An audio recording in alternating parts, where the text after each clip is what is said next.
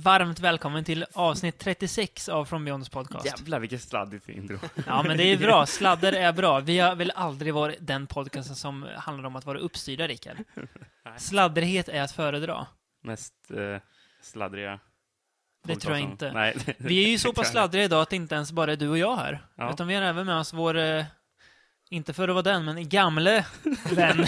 Tack, tack för den presentationen. Inte för att jag presenterar mig. eller? Nej, Kristoffer Pettersson sitter här bredvid mig. Ja, precis. Podcastdebutant. Ja, det är det ju Ja. faktiskt. Känns kul. En eh, ursprunglig östersundare, typ. Ja, det kan man väl säga. Uppvuxen där, Ja. med en eh, brokig karriär inom både black metal och hiphop. Ja, Karriär i karriär, men, ja. Karriär inom... men eh, numera har han hittat Nu har jag hittat lugn, i, lugnet eh, i mig själv. Och i, eh, i gnällbältets hjärta. Ja, precis. Ja, precis. Örebro. Det är platt och lugnt här. Ja, platt, och, platt och lugnt, ja. Precis. Ja, nej, ja. tack. Kul att vara här. ja, det är kul Roligt. att ha det här. Det Ja, verkligen. hoppas att det inte Jag lyssnar ju naturligtvis på... gången. Ja, det Ja, Podcasten jämt. Och lite sakta tycker jag mellan varven. Lite. Ja, du Pressa får, lite du får styra upp oss lite, Ja, piskas lite. Ja. Eh, nej, men eh, idag ska vi prata om, eh, som vi nämnt förut, tema. Det gamla produktionsbolaget Canon. Canon. Och ett urval Canon av Group. deras filmer. Canon Group heter de, ja. Ja, ja. Eh, med ursprung en dokumentär. Men jag tänkte vi kommer in på det lite mer senare. Mm.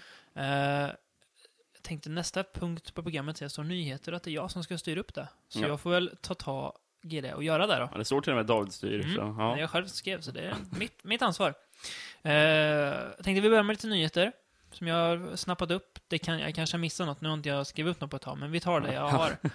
Eh, har någon av er sett den gamla skräckisen The Entity?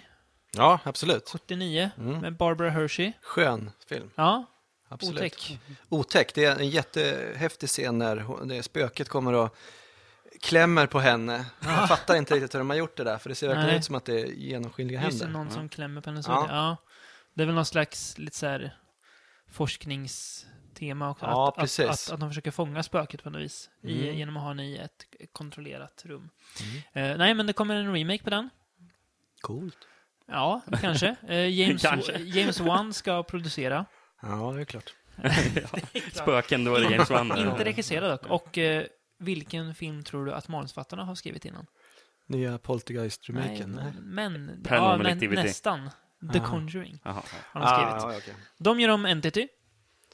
Eh, ja, vad tycker vi om det? Kan det det- bli något? Det blir väl som en så mainstream spökfilm, precis som Ja. Conjuring och Insidious och allt. Och allra helst som James Wan står bakom, då, Mm. då vet vi väl ungefär vad vi får. Ja, han är ju kompetent hantverkare i alla fall. Ja, så det kommer väl inte att eh, liksom sp- sprätta i produktionen så där ska jag tro, men det, det blir det blir väl stabilt liksom. Ja, Mm, ja men mm. precis. Habilt. Eh, Entity är lite så- nästan orättvist bortglömd skräckfilm kan jag tycka, när man pratar om gamla skräckfilmer. Ja. Alltså det är inte... Ja, den är så pass bortglömd att jag inte sett den. Nej, och den nämns inte. Den tror inte ens finns på Blu-ray. Nej, jag, jag tror inte jag, Nej. jag har en gammal DVD. Ja, den är- jag vet. Den är, ja, men ja, den är väldigt bra. Väldigt, alltså, ganska så här, ol- olustig stämning. Inte så, det är en ganska elak spökfilm på något vis. Ja, det är jävligt Alltså- elakt spöke för att jag har för Ja. mig, jag kommer inte riktigt ihåg, men jag har för mig att hon blir ganska eh, hårt ansatt alltså, Ja. fysiskt av det här spöket. Att det nästan är så här um, våldtäkts... Våldtäkts... Ja. Nästan, ja. Där. Ja, inte riktigt, men... Nej, jag kommer inte riktigt ihåg, men jag har för mig att det var lite Mm. flyktigt. Jo, men det, är- det Illa är ju roligare kanske att de gör om den än att de gör om... Poltergeist. Ja, Ja, ja. den kommer vi återkomma till. Ja, det kommer vi inom, Ja, inom framtida podd. Du, du låter skeptisk. ja, men jag tycker inte ens om första. Så att jag menar, jag alltså, tycker, originalet? nej, jag Nej. vet inte. Det är väl en så här rolig barn eh, sådär. Ja. Som var lite charmig sådär när man såg den. Men Mm. jag har ju försökt att Växa, vä- växa se ifrån det den där? nu liksom. Nej men liksom se jag tycker väl inte att det är en speciellt Nej. tight film. Nej, jag tycker att det är men Mm. eh, Ja, jag gillar ju Remaken ser ju... Ja. Jag ser, ja, vi, får, vi får väl se vad det blir av det. Men, eh, Jag tycker nästan de andra Poltergeist-uppföljarna är roligare för att de är så jävla over the top och vi får återkomma, trashiga. vi får åter, återkomma till ha en Poltergeist-podd en vacker dag. Ja, nej men en ny Identity kommer vi få. Får väl se vad det blir av det. Hade du några Eh, mer remakes under bältet? Ja, halvt kan man väl säga. Eh, Wes Craven, han ska börja göra tv han. Jaha. Har han bestämt sig för. Eh, så jag tar remake-saken. Jag tar väl den första. Han ska göra en tv-serie av People Under the Stairs. Jaha. Hans Mhm. gamla 90-tals skräckfilm, Hood-skräckfilm. Mm, den är skön. Ja, Med folk från Twin Peaks och grejer där. ja, där bland annat. Den är väldigt, ja. Craven har ju verkligen varit och doppat sina märkliga tår i alla möjliga sorters vatten. Mm. Ja. Han menar i samma typ period gjorde han ju Serpent and the Rainbow som Ja, är. Ja. Mil ifrån Ja. People on the Stairs. Och sen gjorde han Wes Cravens New Nightmare som är helt olik också. Sen gjorde han Scream och... Ja. Ja, Men ska inte han också, är han inblandad i den här Scream-tv-serien också? eller? ja producenten åt det Ja, Ja, okej. typ. Och sen gjorde han ju den där filmen som nog alla har glömt bort under, på 2000-talet. Eh, Den hemska... vad hette den då? När en massa unga dog? Den är så dålig inte som den inte ens menar? minns- Nej, precis. så vi My Soul to Take hette Ja, den. Ja, just det, den, ja, ja. Riktigt bedrövlig film. Ja, nej men alltså jag kan tycka att man ibland har gett Craven lite hårt. Han har ändå gjort jäkligt mycket bra. Så, Ja, han tänkte ju väldigt tidigt med just det här meta, Ja, metadiskussioner om sina egna filmer och så grejer. Mm. Det var han ju väldigt tidig med. Och jag Mhm. tycker Mm. Wes Cravens New Nightmare är ju en ganska smart film på sina, på sina ställen. den ändå, har ju liksom. Den sina skavanker har Ja, det den, har den men, absolut, men- för när den är gjord så är den, den är väldigt tidig med vad Ja, den gör. Ja. Det är ju som en typ försmak av vad, vad han vad, vad skulle Scream skulle i bli. Scream. Ja, precis. Ja. Så det, jag tycker ändå att det är För du håller med om att, om att Scream gör det bättre? Ja, ja, och, men det är som eh, att han har utvecklat film. Ja. tanken med. Ja, men precis. Mm. Ja, nej, People Under Stairs kan jag göra. För eh, kanalen Syfy, som ju blandar och ger, får man väl säga. Eh, Men jag tror de börjar rycka upp sig lite i alla fall. Mm, mm, lite jo. bättre. Sen ska jag göra en till tv-serie också för samma kanal. eh, Som heter We Are All Completely Fine. Jaha. Som är baserad på en bok. Som jag tror, om jag minns rätt nu, handlar om en grupp, en, en gruppterapi.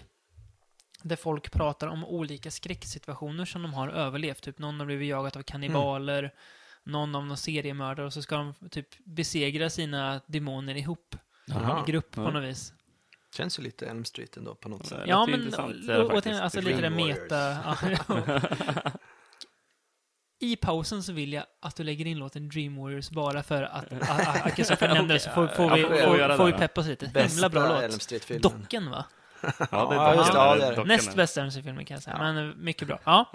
ja, men Craven ska ju tv, det är spännande. Han har inte gjort något på ett tag. Jag, jag gillar ändå han. Han verkar vara en sympatisk man. Ja, var vi Scream Mm. 4? Ja, just det. Ja, det gjorde han ju faktiskt det. Ja, Mm. 2010 kanske. Det är fem Mm. år sedan då. Ja. Mm. Eh, sen har vi en uppföljare på gång.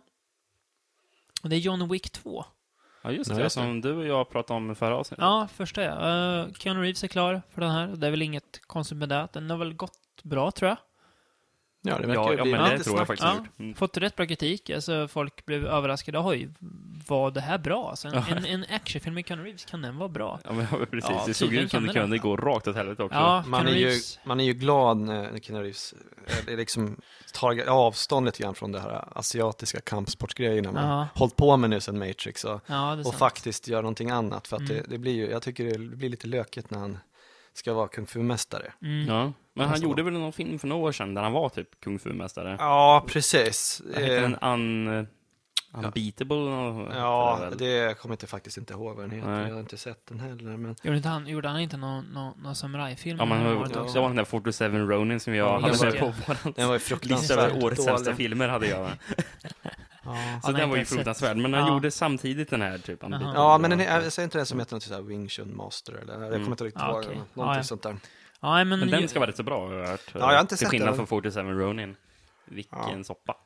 Ja, men eh, John Wick 2, vad tror vi? Jag har ingen aning, jag har inte läst vad den ska handla om, men Nej. det kan väl funka. Ja, Ja. jag tyckte ju, vi båda tyckte ju den var Ja. kul. Rota ner sig lite mer i John Wicks förflutna och bjuda på ännu mer ultravåld. Ja, finns det några fler? eh, Höja budcounten. Ja, Ja, det måste man ju göra. det måste man göra, I ja. två år, det måste ju bli mer. Ja, alltså. exakt. Men finns det någon fler uh, knuten till det där? Man of Eh. Tai Chi heter den, den, den, han, den han gjorde förut. Man of Tai inte Chi. den Inte vad jag vet. Jag tror Nej. inte det är samma regissör som ska göra John Wick 2 i alla fall. Eh, är inte säker dock. Eller så är det det. Han var ju, hans, det var ju hans debutfilm ju, John Wick-regissören. Han har gjort eh, Ja, just det. Ja. Stuntman innan. ja. Ja, just Eh, det. och nu börjar han göra film. Det var ju det vi påpekade om att verkligen kändes som en person som inte Ja. har gjort film tidigare. Nej, precis. Gjorde massa konstiga- fel. Och det märktes ju också att han är koreograf på något sätt. För, att Ja. det är, ju- Mm. för det som står ut i filmen är ju, är ju på något sätt actionscenerna och eh, Ja, ja. hur, eh, hur han på något sätt skjuter folk. Wick liksom. Hans, hans ganska utstuderade sätt att skjuta folk i, Mm, mm. i, i bröstet och sen i huvudet. Otäckt. I- Enligt IMDBs trivia på John Wick 2 så står det att det är tänkt att det ska bli en trilogi, så ja, vi får Ja, se. ja. Det var kul. Det Eh, blev, det blev tänkt efter filmen blev en Ja, succé. precis. Ja, exakt. Tänker, ja, men det, här, det här kan vi, väl, kan vi väl bygga på. Ja, nej, men John Wick 2 får vi väl se kanske 2016, gissar jag på. Eh, Mm. Sen har vi en till remake på gång och det här är ju en väldigt oväntad remake. Jag vet inte om du har hört talas om den här, Kristoffer, om jag spred det här till dig. Ehm, men uh, Umberto Lenzi och Tom Savini har ju slagit sina påsar ihop Mm. och ska Coolt. göra en remake på Nightmare City Mhm. som ja, Tom Savini ska regissera. Det har jag faktiskt sett Ja, komma i mitt flöde på Facebook. Någon ja. Ligger på Rykte. Kickstarter. Den har nått, eller Indiegogo tror jag, eller någonting. Mm. Har nått sitt mål, men man kan fortfarande skänka pengar om man vill. Mm. Ehm,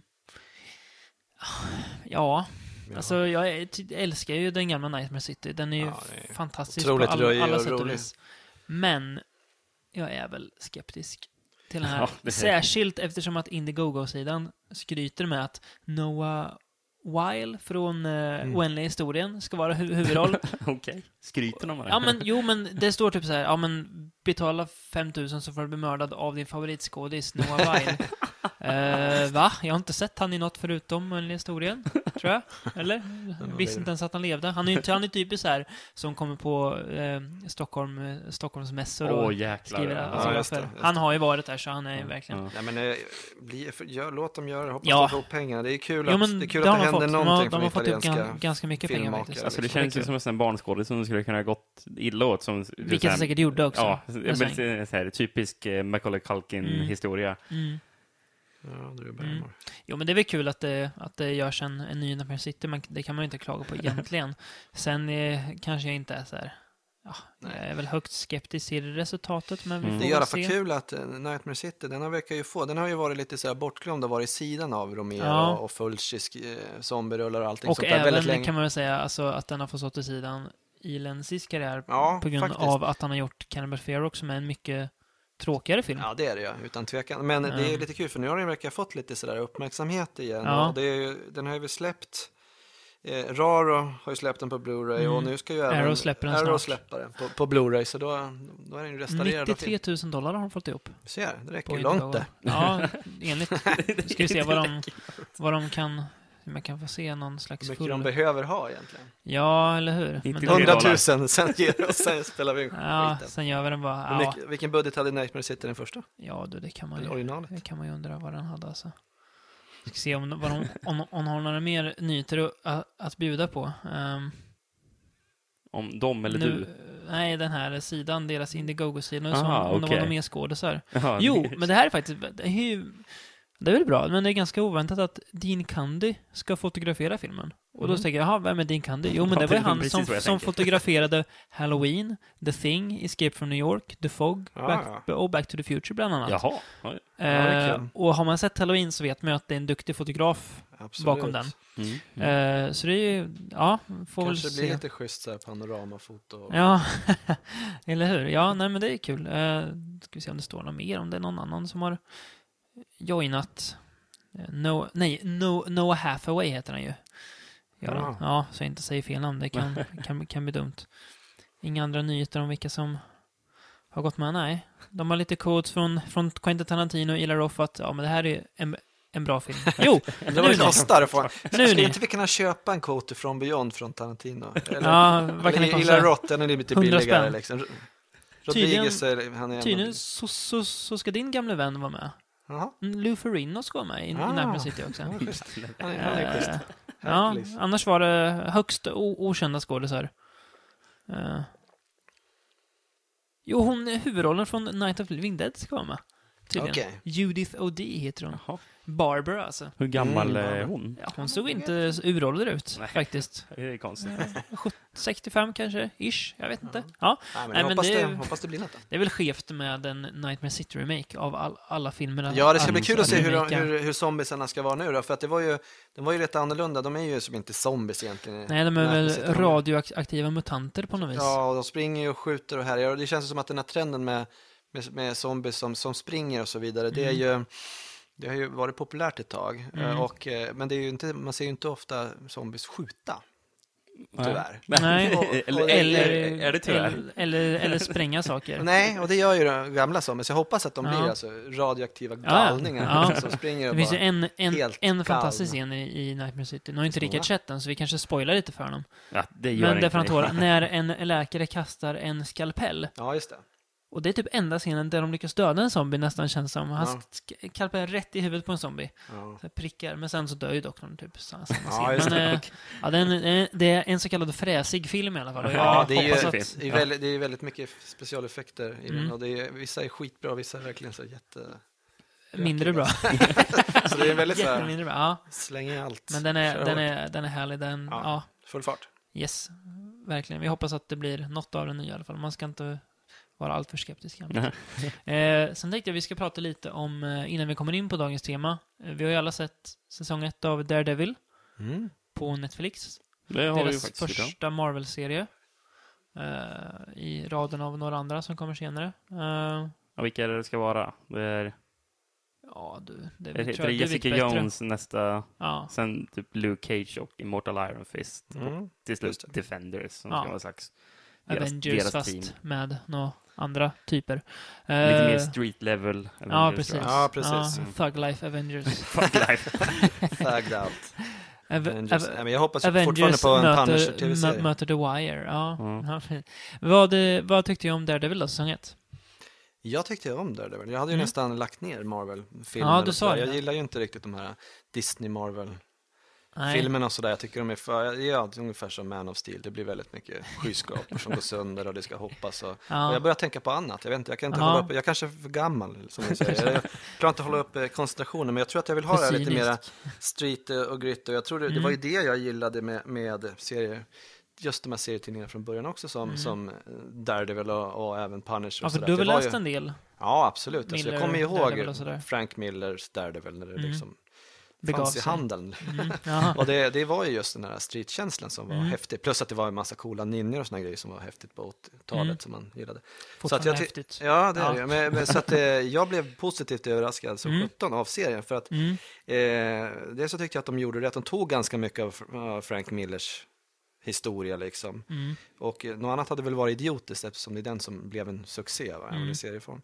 Men sen så eh, tyckte jag ju ändå att den levererade action och, Mm. på ett bra sätt utan att Mm. vara tillrättalagd. som Nej, precis. Den är ja. väldigt... Jag tror den har 13-årsgräns. Hur de nu har lyckats få igenom det. ja, det är ju lite ovanligt. Ibland är det väldigt våldsamt. Men jag tror inte Ja. Netflix trodde att det skulle bli en... Alltså, de har Nej. inte satsat på att det ska bli en jättestor serie. utan Jag tror att det, det var nog lite grann ett projekt bara som, som gick i hamn. att de som jag har hört eh, någon, någon, skaparna säga någonting, att de, de satsar på eh, det de skulle kalla för NC-16. Jaha, det skulle vara. Mhm, Eh, som, det är en sån slags gräns, lite, lite för hårt för 15-åringar, men Mm. ändå inte NC-17. Så det är, Ja, men det låter ju ungefär där de är.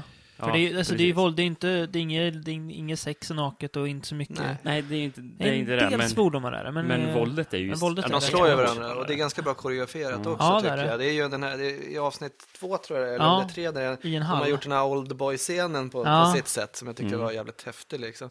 Precis. Sen så, vad, vad tycker ni om Charlie Cox då? Som, Jag tycker han funkar jättebra. Där är det väl. Ja, jag, Ja. jag, jag gillar honom, ja. Ja. Eh, Tycker han funkar bra som både Matt Murdock och Ja. Daredevil om man, om Men- nu kan ska... Är det ju så att Win- Vincent åt. D'Onofrios, han Ja, stjäl han stjäl ju show, showen, ja. ja. För han är ju så imponerande. Ja. Alltså, han, är så, han är så jäkla duktig på att lägga och pendla mellan att vara otäck och Mm. aggressiv och att vara lite så här, ja vad ska man säga, sympatisk Han är väldigt och jobbig, och vemodig. jo, Och, jobbig karaktär, Wilson Fisk, eftersom att du tycker, för när du ser honom i början, så okej, det där är Kingpin, men sen så tycker man ju om honom, och så, men han är Ja. väl ingen farlig. Nej. Och sen så kommer det en scen när han, ja, spoilervarning, men slår sönder en människas huvud med en bildörr. ja, just det. Han Eh, typ hugger av. ja, precis. Och då undrar man, jaha okej, han är inte så frisk. Men sen lyckas han vända det där igen ändå. Eh, Ja. För att man säger, ja men ja, han är ändå mänsklig. Men nej, det är han inte. Ja, Jag tyckte så- väl, det- om man säger att det är någonting som är problem i serien så är Mm. det ju att både han och den här hans underhuggare som Mm. hette Wesley tror jag för Mm. han hette, var ju nästan mer karismatiska än vad Daredevil och hans Mm. kompisar är. Att de Jo. var så jävla my- mycket mer intressanta att Mm. följa. Mm. Men eh, den, den kanske stora frågan är ju inte, hur står den här sig då mot den fantastiska filmen Daredevil från 2003. Det är den stora frågan. Det som Ja. är kul det är väl att eh, den filmen har säkert eh, blivit populärare nu. Alltså att den är folk som har börjat Ja, streama hem den och Ja, och betala så- för den på olika sätt. och- fast den inte förtjänar det. bara och för blivit serien. arga till, till följd för att Det det var är inte, det, det här var inte, det här var inte tv-serien det- Daredevil. Det blev jag lurad. Nej. Ja, nej men eh, rekommenderad av alla oss tre då, kan Ja. säga. Ja, det ska bli Ja, kul att se vad de fortsätter, vad de gör Mm. med tvåan, säsong Mm. två alltså. Mm. Hoppas jag, jag vill ta upp det här du sa, eh, att du skulle vilja se en Punisher-serie. Och Ja. det känns ju mer troligt nu när man får se det här råa, gritty, hårda Mm. våldet som man har sett i Mm. Daredevil nu. Så Mm. inte helt omöjligt att Net- Netflix kanske skulle göra en Punisher-serie. För Nej. Punisher skulle ju fungera jättebra i just Mm. tv-serieformatet. Att han, för det, där behöver du inte ha den där superhjältebudgeten eh, Nej, för Punisher. verkligen Utan, ju- utan du, som, han ska ju ge sig på Skurkar. Maffian, liksom. Vanliga skurkar, ja. precis. Mm. Ryssar, italienare, Mm. allt möjligt. Och liksom. Barracuda. Och Om- Barracuda om kan han- Ja, förhoppningsvis dyker Ja. han upp i sådana fall. Eh, det, men det, nu, nu sa ju du det här ordet som har blivit någon slags slagord för DC, eh, gritty. Det ska Mm. väl förtydligas att det är våldet här som är, för serien i övrigt är ju inte så här Nolansk, Ja, man ska nej, säga. nej, nej. Det är ju, finns ju humorglimtar här, då är ju inte, om ja, man, den är ju rätt så rolig ibland. om man jämför du- med Man of Steel som var gravallvarlig från Mm. ruta ett till slutet så är det ju inte det här samma Precis. sak. Det Ja, finns det- ju ett, ett, ett allvar här som väger tyngre just för att det blandas samman med Ja, men de vet andra ju saker de, också. alltså, de, de har ju en bra balans. Ja, ja, men Som- det är det jag menar. De har ju en karaktär, till exempel Foggy gillar jag, som är en väldigt Ja. rolig karaktär. Ja, Ja, ja, Det- precis. Han är den roliga sidekicken. Ja, Men, men, eh, det vem, och eh, fungerar jättebra. Just Kommer ni ihåg det. vem som var, vem var det som, visst var det Oliver Platt som var i filmen som var Foggy i den gamla? Men just det, du har rätt. Oliver Platt. Ja. Just det, ja, ja det Gud, stämmer ja. faktiskt. Ja. Passar inte alls i den här rollen. Nej, Nej, inget passar väl i den filmen. nej, Colin, Och inget passar kanske Oliver Platt heller. Colin, Colin Farrell var ju lite rolig som Bullseye. Ja, det tyckte jag. Han funkar väl, men det var ju Ja, som inte hans fel att det nej, nej, nej. kantrade. Och det var väl inte Ben, ben Afflecks fel heller. Det var väl alltings fel, kanske. Ja, ja, Det var fel, felskrivet. enkelt. precis. Ja, Men, men jag hoppas att Bullseye dyker upp i ja tv-serien man kan också. göra ganska mycket med honom, tror jag. Mm. Karismatisk. Ja. Kanske, verkligen. kanske, kanske vi- vi, vi slipper de där fula fettvecken i pannan som Colin Farrell hade. kan göra någonting, någonting snyggare med Bullseye istället. Mm. Ja, Mm. verkligen. Ja, ska vi ta en liten paus där kanske innan vi kommer in på dagens tema? Ja, det kan vi göra. Kan vi göra. Så ska vi berätta för er vad grejen med Canon är sen.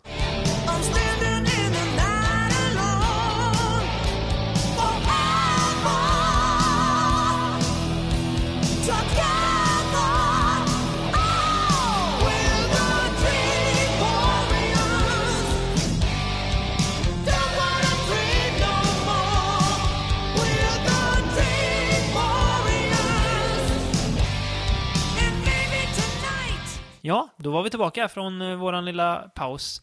Eh, och då ska vi komma in på dagens ämne då, som är Canon-filmerna. Från Mm. bolaget Canon Group. Deras kanon. Canons kanon. Jag tänker inte ens kommentera skämtet. Jag Eller, eller, eller vad säger Jag Kristoffer? förstår inte vad han säger. Nej. ja, nej. Eh, ursprunget lite till att vi tog tag i att göra den här, inte just podcasten, men det här ämnet, är ju dokumentären då som vi har sett, som vi har vetat om ett tag. Eh, Electric Boogaloo. ja, precis. The Wild Untold Story of Canon Films. En bra titel. Ja, Mm. Mark Hartley som tidigare gjort eh, Patrick-remaken behöver vi inte nämna att han har gjort, men det har han gjort. Ja, just det. Ja. Eh, men han gjorde uh, Machete Maidens Mm. om filippinsk actionfilm.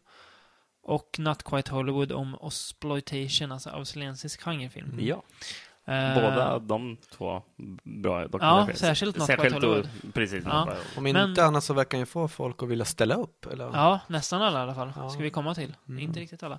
Eh, nej, men nu har han gjort en dokumentär om Canon-film som enligt han själv var att så fort du plockade upp en, en VHS-kassett på 80-talet så var Canon-loggan där. Mm. Den fanns alltid, det var nästan svårt att undkomma dem. Mm. Tror att när de var som mest igång, en film i veckan, satte de igång. Mm. Produktion på. 43 filmer under 86. Det är helt vansinnigt Mm. alltså. Har du sett alla dem, Kristoffer? Nej, det har jag verkligen inte. Och det, jag vill nog inte se alla heller. Och, och det är väl det som är lite grann av eh, misstaget när man pratar Mm. om Canon. Man tänker väl så här, "Åh, gillar du Canon? Jag tycker egentligen inte man kan säga så, för att det är ju, Nej. eh, det det man syftar på då, det är ju de här Bronson och Chuck Norris och Mm. de här ninja-filmerna möjligtvis, men de producerade ju väldigt mycket, allt möjligt från Mm. arthouse-filmer egentligen till, till komedier och allt möjligt tok liksom. Så att Mm. de, Mm. de var ju ett, ett produktionsbolag helt enkelt. Ja. Gillar precis. du Paramount liksom? Det kan- det går Ja. inte säga så. Men Gillar du Paramount-film? den här loggan har ju en speciell, ja speciell lite som Hammer Ja, det, på något vis. och det, det har de gjorde på något sätt, det var ju det här med att göra B-filmer med A-budget mycket. Ja. Det var det de, Exakt. som blev deras grej på något sätt, vad som Mm. vi kommer ihåg dem för idag. Mm. Dokumentären spänner väl egentligen över från början till slut. Eh, och ja, intervjuar alla handa möjliga personer. Inte herrarna Golam och Globus själva dock. Nej. Eh, vilket vi ska komma till snart, varför inte de är med. Ja, just det. Eh, men i övrigt så är det väldigt många med. Skådisar, regissörer, klippare, Ja, manusförfattare. det är ju Mm. music supervisor. Ja, allt möjligt. Och- liksom. Ja. Men när, alltså, de har väl en del negativt att säga eh, i att det känns ju, alltså när man hör på det, det låter som att det var en stor lekstuga ibland. Mm. Ja, ja. Eh, men inte att det blir något bittert eller hetskt över det tycker jag inte Å heller. andra sidan så tror jag nog att du kan ju plocka vilken sån här stor producent från vilket filmbolag Ja. som helst och det finns folk som tycker att han har kört över Precis. dem och sådana grejer. Va? Så, så. Men jag tycker ändå inte att det är en, en argsint dokumentär om Nej, man jag säger tror så. att de, fick ju, de lät ju folk jobba så in i Ja. helsike. Och det är ju något positivt. De gjorde ju en jäkla massa filmer som Mm. inte Ja. skulle bli gjorda annars. Och det Nej, är väl ändå positivt. Och de, Precis. ja, de verkar ju vara väldigt bra på att övertala folk om att de Ja. skulle göra Ja. filmerna. Vi fick ju höra att de började alltså med att designa affischen som de sen sålde in i Cannes. Ja. Eh, ja, men den här, den här filmen vill ni väl... Ja, visst, så här. Vem, vem, vem ska vara med då? Eh, Chuck Norris ska vara med. Och sen typ... För att de hade honom i sitt stall liksom. Och sen frågan om vad det handlar om, typ improviserar de fram Ja, handlingen. exakt. Liksom. Eh, Det var väl Eh. även så de sålde till utländska distributörer liksom, innan Ja. filmerna var gjorda. Tog pengarna de fick sen av, av distributörer Ja, och så och vidare. gjorde filmen. gjorde film. Ja, Kanske. liksom- ja. Ibland så blev det inte ens någon film. Liksom. De började med noll, alltid liksom, på något Mm. vis. Fascinerande. Eh, nej, men anledningen till att inte Golam och Globus själva ställde upp var tydligen att från början så var de väldigt positivt inställda till, till projektet. Eh, ja, men vi är med. Sen så liksom dröjde, sen så kom det liksom fråga, ja men vi kan väl få med och, och, och producera den här dokumentären. Ja. Och Hartley bara, ja, jo, ja visst, det kan det väl få vara så här. Sen så började man få mejl från, helt plötsligt från eh, folk som var med att du, de hör av sig till mig och vill, och vill intervjua mig. Mhm. Och då hade de alltså börjat producera en egen dokumentär Ja. om sig själva. Vilket ju känns väldigt hand i hand med den, den bild man får av dem, tycker Ja, jag. ja väldigt, så- väldigt. Väldigt, väldigt egenkära människor. Lite Särskilt typiskt eh, är väl också att de, de, kom, de lyckades pressa ut sin dokumentär tre månader innan. Ja, precis. Den här. Känns lite såhär, hopp, ja, ja. Men eh, så jag, vi tror att vi har sett den mer objektiva av de två i alla fall. Ja, det tror jag definitivt faktiskt. Precis. Men det är lite kul för att, eh, som du säger, alla är ju inte med i, i den här eh, Nej. dokumentären. Electric Boogaloo och till exempel Stallone är inte med i den. Nej. Nej. Men han tror jag faktiskt är med i Go-Go Boys som Ah, vi okej. inte har sett än, men som jag Mm. tänkte kolla på och skriva om sen på Mm. frånbjörn.se. Mm. Van Damme var inte med i den här heller då? Nej, det tror jag inte. Jag det. Han Och var. inte Chuck Chuck Norris. Det var någon klipp bara med Chuck Ja, Norris. när de står lite här och där och pratar. Ja. och Så de var ändå inte... Nej, Nej, så de har inte fått med de stora stjärnorna. nej. De har inte men fått med Bronson. dåligt. Mycket dåligt. mycket, mycket dåligt. Ja, nej. Nej, de har de verkligen inte fått. Nej, men eh, ja, alltså det... Alltså det, det som Mark Hartley gör lite, som går på något vis som en röd tråd genom hans dokumentär, är att han...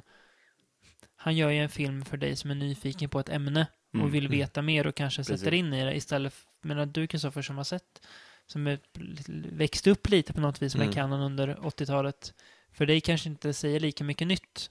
Alltså, Nej, det, det är det väl egentligen inte sådär. Man, man kände väl till det, det Mm. mesta. Och det här är ju liksom som egentligen är det väl en utvecklad IMDB-lista Ja. på deras filmer. Hur, hur det liksom, från att de köpte bolaget. Snyggt gjord och med lite... Ja, men lite roliga kul klipp från ja. de, de mest spektakulära filmerna liksom. Mm. En avancerad powerpoint-presentation. Ja, det kan man väl säga. Ja, precis. Fast Det kan man väl fortfarande bra. Alltså, Ja. klart sevärd, Ja, underhållande. ja, pre- precis. Ja, men alltså, det, där du sa att om man är intresserad av ett ämne Mm. så är det ett jättebra sätt att sen så dyka ju. Men, men, men till exempel innan jag såg Not Quite Hollywood, jag Mm. kan inte ens säga att jag var hade något intresse av australiensisk genrefilm. Nej. Men så såg jag dokumentären och bara, jaha, Ja. ja, men det här var ju, det var ju Mm. jättemycket intressant film. Mm. Jag, jag hade ju en sån lista över filmer jag ville se efter Mm. det. Turkey Shot, Ja, Turkey Turkey Shoot. Shoot, ja. Ja. Mycket bra film. Razorback. Ja. Razorback, ja. Men vad hade ni för relation till, till Canon egentligen innan? Om, man säger, om jag börjar med min relation så var det ju egentligen ingen relation utan det var ju, det var ju coola filmer som man Mm. eh,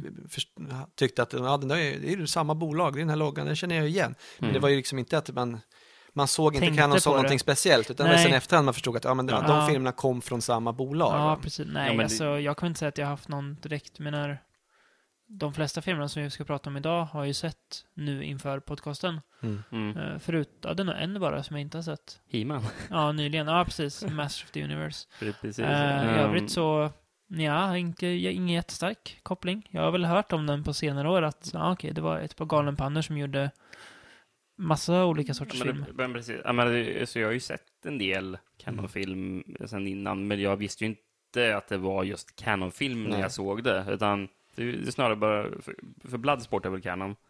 Ja, absolut. Ja, ja precis. Mm. Ja, Just det, bara, den, ja, ja. Jag har ju sett Bloodsport liksom. Mm. Det, men inte hade jag en tanke på att det var Canon. Kickboxer är ju också Det- Canon faktiskt, Mm. om man pratar Van Ja, Damme-filmer. Jag har sett någon, någon av Ninja-filmerna liksom. Mm. Det, Nej, precis. Men det som är kul och det de ändå tar upp i, i dokumentären som, som lite roligt, det är ju hur de, hur de hade någon form av inställning att vi ska ge det folket vill ha. Mm. Och folk vill se eh, lökig action och massor, och vi drar på med så Och mycket som möjligt. lökar i action också för den, den, den delen. Ja, så från början var det man väl mycket, vara så väldigt så, mycket så naket och det var ja. väl, Canon Group var från början var väl ett ganska sleazy bolag Mm. innan de tog över det också. Va? Mm. du nämnde Så- ju att en, av, en, en film du hade här, Ja, Var- Wide Open. Christian, eh, Christian Lindbergs sexrulle från Super 8 har 70-talet. gett ut, ja precis. Ja, Ja. Canon Group. Innan, eh, Innan Golan Golan och Globus Globus tog dit. över då.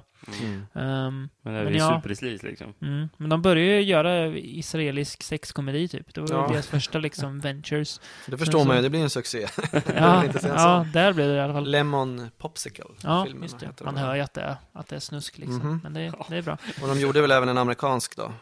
Eh, Mm, The Amer- Last The Last American American Virgin, Virgin. som Mm. skulle vara någon form av amerikansk version som blev missuppfattad tror jag. Det var väl Ja. egentligen, gick vi kanske inte så jätte... Ingen supersuccé, nej. Nej. nej.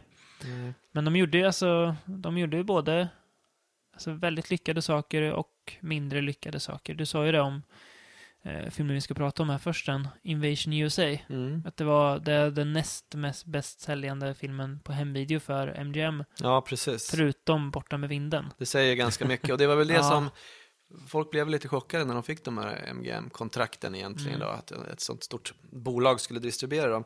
Men det blev väl också en väldig succé. Mm. Till början i alla fall. Ja, Ja. även om de levererade mycket skit. Mm. Så, så att eh, de förstod ju att okej, vi, vi kan spela in ganska mycket på biograferna, men video, videobranschen är väldigt mm, viktig att suga Mm. upp också. Mm. Så där tjänar de ju hur mycket pengar som helst Mm. på naturligtvis. Sen är det ju fascinerande hur man kan komma, på ett vinnande koncept, men sen välja att frångå det. Och misslyckas så och hårt. jag ja. försöka då, eh, det ser man ju, man ser ju intervjuer med, med, med Golan var det väl då, som sitter Mm. och säger att vi, vi gör hellre 30 filmer för 30 miljoner än att göra en. Det är ju idiotiskt. Jag skulle känna mig som en rånare eller vad man säger. Mm. Liksom. Om Och har så- mer pengar på filmerna. Ja, precis.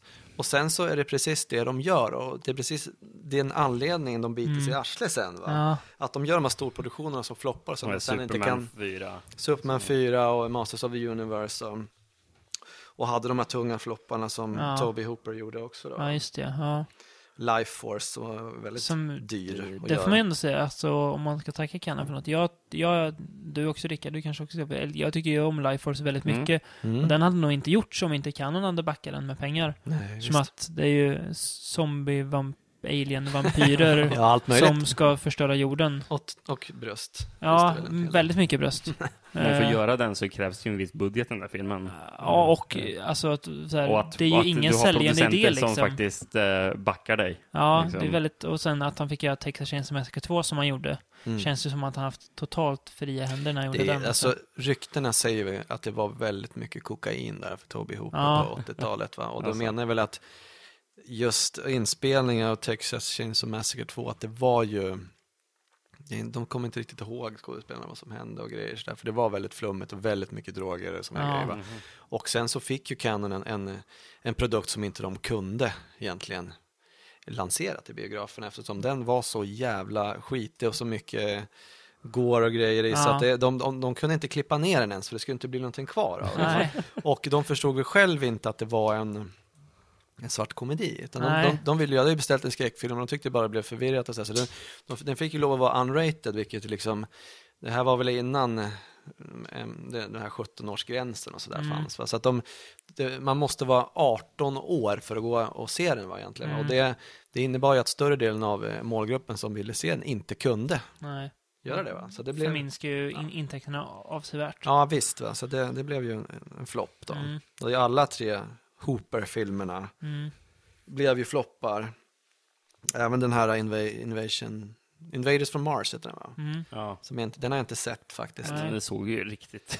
Nej, Den såg ju ganska frän ut, men... ja man vill ju se den liksom. Så Ja. men, jag misstänker att den är ganska lö- lökig. Ja, Ja. det är kul, men det är man gillar det. Man gillar Ja. det. Ja. Nej, men det är, ja, brokig skara filmer Ja, verkligen. precis. Och de här Arthouse-filmerna, som de gjorde Norman Mailer, den här Tough Guys Don't Dance och så här, som alla folk säger, är väldigt, väldigt speciell och konstig film och inte Mm. alls är någon ex- exploitation direkt. Nej. Så att- det, det känns ju lite, alltså det går ju lite hand i hand med det som Corman gjorde innan. Att han gjorde sina Vincent Price-skräckisar, han- det Mm. gjordes mycket sexkomedier, men sen så, det var ju han som tog in Bergman till USA och så allt sånt där liksom. Mm. Så att, ja men det är lite samma på något vis, det här att det är inte bara de här trashiga filmerna som Nej. Är yttre, utan det fanns mer också. Där, däremot tror jag ju Corman aldrig skulle vilja göra filmer för 22 miljoner Nej. dollar. Nej, så nej, nej, han hade hellre satsat på att göra fler filmer. Alltså. Han, eh, han höll sig nog till den, den devisen, Mm. att hellre 20, 22 filmer än en. Men vad tror ni hade hänt om, om eh, de hade överlevt? Om Canon Group hade fortsatt göra film och inte kursat? Om, hade de blivit liksom Isolum eller hade de blivit Warner Brothers? Vad hade de, var hade de landat någonstans? Alltså jag, jag tänker lite Bra på, fråga. det är samma som med det här bolaget eh, Orion, Mm. som ju nyss typ har återuppstått i och med The Town That Dreaded Sundown. Ja, just det. Det var ju Ja. deras logo i början igen. Det är också så här, det är ju så mycket, alltså det känns som att jag tror att tiden hade tagit Canon ändå. Ja, ja, Eh, precis. eftersom att om man tänker, om man tänker ändå Canons stora inkomstspringande var actionfilmerna, Mm. att actionklimatet förändrades så på 90-talet också. Mm. Med eh, när ett, ja, Tarantino kom och Ja, ja. Heat var, blev stor. Alltså det är en helt en annan typ, en någon slags smartare typ av actionfilm. kan ni tänka er de går lös på Grindhouse-vågen till exempel? Ja, idag ja. Gud, Ja. Tänk vad de hade spottat ur sig. ja Men om de inte ja. hade gått i graven, då kanske de hade kunnat haft, eh, ja, bevarat lite av Ja. 80-talets eh, action. Fast ja, traditionen ja, också. ja, Det vet kanske man inte det är svårt heller. att säga. Om vi, Det var ju också en, nära som gick ur tiden lite grann. Ja, men precis. En annan Mm. retorisk intressant fråga. Om de hade tagit rättigheterna till Die Hard och gjort den, Mm. vad hade hänt med Canon Group då? Ja, ja, precis. För det hade ens teoretiskt sett de kunnat göra. Ja. Eller om, om de hade tagit Rambo och Rocky-filmerna och alltså Mm. köpt dem och serien, för de gick ju bra Mm. hela vägen, även om de inte var bra hela vägen, så gick de ju ändå bra på bio. Det var väl det de trodde, att de, alltså, de köpte ju franchises som hade blivit Mm.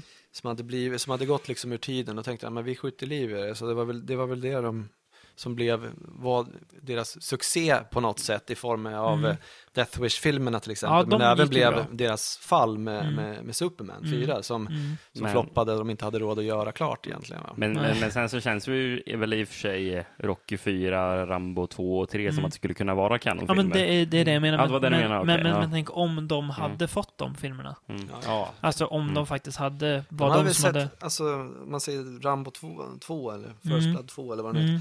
Och De hade fått, de hade First Blood Part 2 va? ja något sådär. De hade väl satt sprätt på de pengarna också. Mm. Jag menar, jag menar det, är, det är väl egentligen, och den filmen hade säkert inte sett ut som den Nej. gör om det inte hade varit för, för Canons Eller om, framgångar. liksom. om de hade fått Predator eller Mm. liksom fått Arnold egentligen. Kona-filmerna, det hade också de kunnat göra. mm. Alltså det låg ju i tiden av att det... De gjorde ju The Barbarians. Ja, just det. Den, Ja. den ska vi prata om snart. Ja.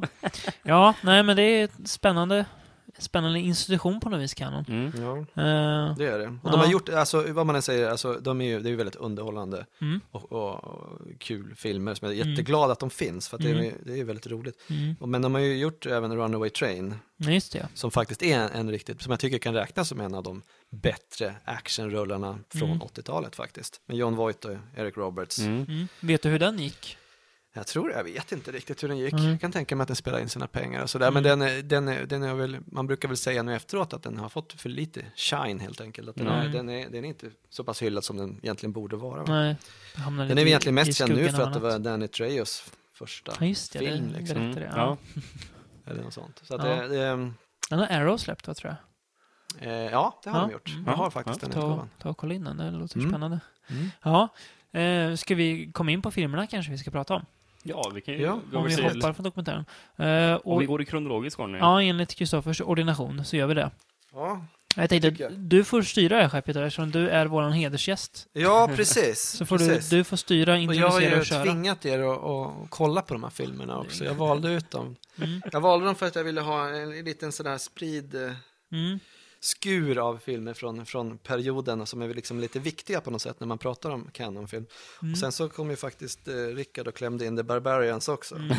ja. Och det, det var väl kul. Det var ju mer en, en slump. Vi, vi, vi såg den och upptäckte oj, det här var visst kanon. Ja, ja, då tar vi den också då. Men jag tänkte vi hoppar på tåget 1985 Mm. med Invasion USA som Yes.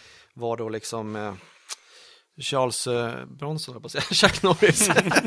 Chuck Norris Ja, stora genombrott. Chuck Bronson. Chuck Bronson. Ja, Chuck Bronson. the Chuck and the Chuck som de säger i Ja, dokumentären faktiskt. precis, det var två ja. Chuckar de hade. ja. Eh, som, den är ju, det är ju en film som är regisserad av Josef Zito. Mm. Som eh, har gjort mycket intressant. The. Prowler. Duktig hantverkare. Har han gjort. Fredag den den 13 del 4. Ja, Ja, precis. precis. säga det. Och Missing in Action-filmerna. Gjorde han dem för Canon också? Ja, absolut. Ja, han. Ja, Och Red Scorpion ja just det. Mm. också. Mm. Och eh, eh, där har ju Chuck har ju varit med och skrivit manus. Ja, just det. och det som är kul till att börja med, nu, nu säger de ju i den här dokumentären, va, någonting som man kanske kan misstänka, att, att de tyckte att den var för lång och så här, vi, vi klipper bort rätt mycket story, det som är Mm. viktigast är action. Mm. Och det känner man ju i filmen att det är ju, det är ju väldigt mycket action och väldigt Mm. lite dialog och sådana Mm. grejer. Men jag vet inte, ska vi dra någon form av eh, lite synopsis, vad den handlar om? Ja, först det här? tycker jag. Gör det. Ja. Mm. Berätta.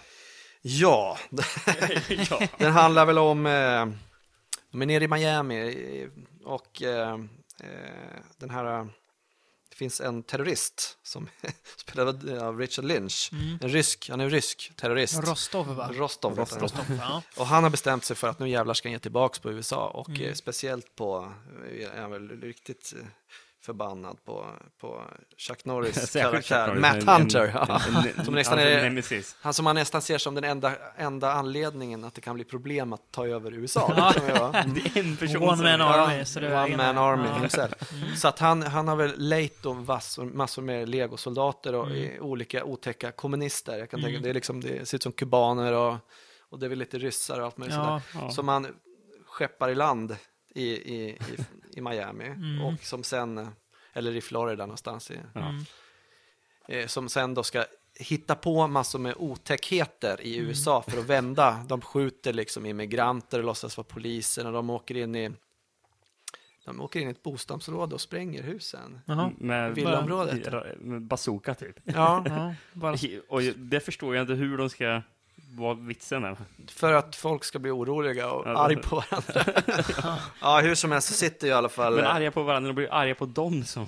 De, Ja, jag vet tror inte, det känns att som att är det har- grannen som har sprängt villan. ja, det känns som det ja, kanske fallit bort lite grann i manuset just det. Ja, precis. Det var det, det var det jag tänkte då du sa att det kändes som att det de har klippt bort mycket av det som faktiskt var handlingen. Mm. Och det är kanske det är lite det som brister. Att, ja, men vad är deras plan? Vad, vad, som han, skurken säger att efter 18 timmar så kommer... USA ser helt annorlunda ut. Ja. Men hur har du tänkt att det här ska gå till liksom? Nej. Men nej, vi får se action istället. Och Ja, action är inte precis. fel. Nej, Nej. men eh, man kan väl säga första liksom 20 minuterna, kanske till och med halvtimmen av filmen är ju extremt dialogbefriad och det är egentligen staplade liksom actionscener mer eller mindre. Ja, ja. Så, och man får se hur, hur eh, Richard Lynch karaktär är, är, vidrig då, liksom. Till att börja med, han, han skjuter en båt med, med, fylld med båtflyktingar liksom. Welcome to USA så Jag vet inte vad han planen ens är med det. Nej, för jävla så att immigranterna som, jag vet inte, det, Nej, högst märkligt. Men Ja. det gör han i alla fall. och precis, och han, han är, glider också in hos någon eh, knarkhanglare spelad av Billy Drago, som, som man, som man eh, först Skjuter i kuken kan man säga. Ja, skjuter i snoppen. Sen så, och tar, hans brud som han är bredvid, knarklaren, han tar och bara trycker in, trycker huvudet ner i, i bordet så här, röret han håller på att snorta cola med trycks in i huvudet. Ganska otäckt. Ja, det. Och det, han- man rycker till. Det känns Ja, man var oh. jäkla... Och Richard Lynch karaktär överhuvudtaget har, har ju en grej att skjuta folk i, i, i snoppen. Ja, liksom. Ja. Han gör det flera gånger i film Ja. och det är ju rätt vidrigt. Alltså. Ja, det är På något sätt är det ju värre än att bli skjuten i huvudet. Eller? väldigt elakt gjort. Ja, precis. Men, Matt Hunter to the rescue. Ja. Efter ett tag kvicknar han till, eller de åker ju dit och spränger, skjuter hans indiankompis Mm. och spränger hans hydda. Han bor ute i, i bushen där han typ jagar krokodiler. Mm. Och eh, då, då säger han till FBI-polarna eller vad det nu är för någonting Mm. att det är okej då, I'm on the case. Och så blir han någon form av halv vigilante som börjar rensa upp då, de här. Mm. Och det är väl egentligen de ska göra någonting otäckt och då kommer han där emellan och pangar ner dem eller Mm. Ställer till det. Va? Och det är väl egentligen filmens handling. Ja, egentligen, va? mer eller mindre. Det springer runt en reporter som kallar han för Oh cowboy, you're Ja. such a cowboy. Och, och liksom som man, jag vet inte, de är väl lite småflörtiga. så Ja, är halvkärlekshistoria, är fast inte sådär- riktigt. Jag vet inte, det finns väl inte någon, någon direkt spänning mellan dem sådär tycker jag det känns. Ingen superbra kemi. Nej, ingen vidare. Nej. Och det är väl problemet kanske med Chuck Norris generellt, att han är ju en ganska uttryckslös person som, Ja. som skådespelare. Mm. Och han är Så ju, ospännande. Egentligen. han är ju bra på att dra iväg sparkar. Han är en duktig martial artist, men han är ju inte någon vidare skådis. Så Det är väl egentligen, han- det skulle han säkert skriva under på själv också. Mm. Men här blir det väldigt, väldigt Uppenbart. stelt tycker jag. Liksom. Ja. Och han går med sina två k-pistar och pangar ner folk liksom, Ja. utan en min. Liksom, så här. Nej, det är verkligen, sto- verkligen stoneface alltså. Ja. Ser inte ut som man är där nästan. Nej. Vad tyckte ni om den här soppan? Det är ju, alltså det är ju, som du, lite som du är inne på, det är ju kul action. Det Ja. är ju, alltså, Och det är inte mer än det egentligen. nej, men Det- det går, ju, det går ju fort att se. Den smälter ju ner som blöta popcorn i halsen ungefär. Glider ner bara. Eh. Är, vadå, är det någonting som du är van med? Bra nej, men, nej men du kan ju tänka dig att de bara glider ner i halsen som ut, utan minsta motstånd. Okej, ja. Ja, jag, jag, jag köper den liknelsen. Ja. Ja, ja. Det som jag tycker är, det som jag tycker är häftigt, eh, Mm. det är ju att någonstans måste ju ändå eh, Canon-gubbarna ha sett det här manuset och bara Yes, this is very good. 10 million dollars. och tycker liksom att ja, det här satsar vi på, 10 miljoner dollar blir lagom. Och det märks ju att de har stålar alltså. Ja, jösses ja. Det sprängs ju enormt mycket saker hela tiden. Mm. Det är bilar, det är helikoptrar och Hus. på slutet har de ju dragit dit en jäkla massa pansarvagnar och Just folk står ja. och skjuter. Och, Ja, jag undrar hur mycket pyroteknik och... Eh, många lösa skott man gått åt att göra den här Ja. filmen. Alltså. Ja, det är rätt vansinnigt alltså. Det är en riktig smällfest kan man väl kalla det Ja, det är kul att den liksom existerar på det sättet. Ja. Sen tycker jag på något sätt att det, den, den, stora behållningen lite grann, det är ju faktiskt eh, Richard Lynch Ja. karaktär. Han, Skurken, tycker jag, ja. han är ju mycket mer karismatisk och intressant att titta på. Än vad tjucken är, ja. Mhm. Ja. Ja, jösses. Det sen så hjälper det säga. det här, hans an, ansikte. Mm. Du nämnde någonting om att han var... Ja, han var, han, var väl, eh, han var väl lite narkoman när Han var år. jättehög på LSD och tände eld på sig själv på, någon, på i Central Park tror jag. av alla Precis, ställen. precis. Eh, Och efter det blev han ren då. Men, eh, Sen mm. tänkte han, jag blir skådis istället, blir skurkskådis. Ja, han kan inte gjort. spela annat än skurk Nej. med det utseendet. Alltså. Nej. Det- Men det, alltså, ni ska bara få höra titlarna på de filmer som han är med i och höra otroligt creddig den här karln är. Dels är Sword and the Sorcerer, mm. gammal skön svärd och sandaler-film, så vi återkommer till sen lite Är det kanon? Nej, det är det inte, det är Nej. före kanon. Men The Barbarians, Mm. Alligator 2, The Mutation, Oh. Trancers 2, Puppet Master 3, Cyborg 3, Scanner Cop, ja ni hör ju. Han skulle ju också vara med i, Lords of Salem, Rob Ja. Zombies film, men då Mm. var han ju väldigt, väldigt dålig och gammal Mm. och sjuk. Där, så att, eh, Jag vet inte om han spelade in någonting eller om han... Han är creddad för den på IMDB, men jag vet inte vad för det jag, jag, jag har läst att den här Andrew Prine tog över hans, Ah, Okej. Mm. hans roll som han skulle spela. Som, Mm. Jag vet inte om han är någon form av witch eh, doctor, Ja. witch, vad heter det? Häxjägare, häx, jag vet inte om han är... Jag tänker att han kanske gillar häxorna.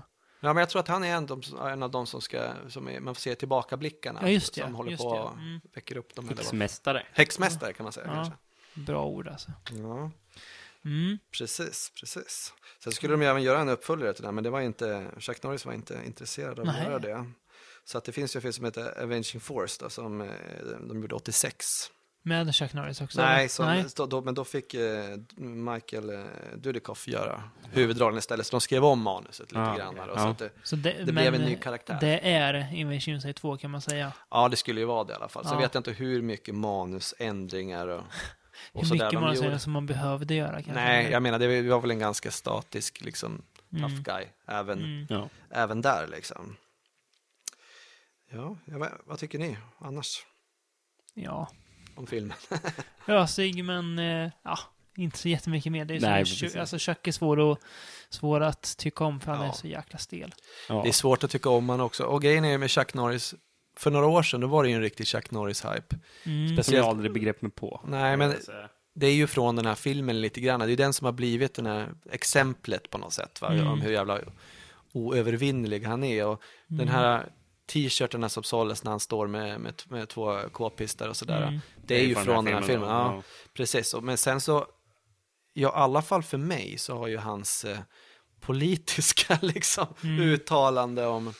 Det förstör ju en hel del. Ja, liksom, han är ju väldigt eh, högervriden och det, han, är ju, han, hans persona liksom. Det, det gör att man tycker rätt illa om han som person, vilket gör att man har svårt att ja, ur ett retroperspektiv kanske gilla hans filmer Mm. också. Va? Ja, jo, jag tycker att ja. jag tycker egentligen det bästa han gjorde, gjorde han väl egentligen innan.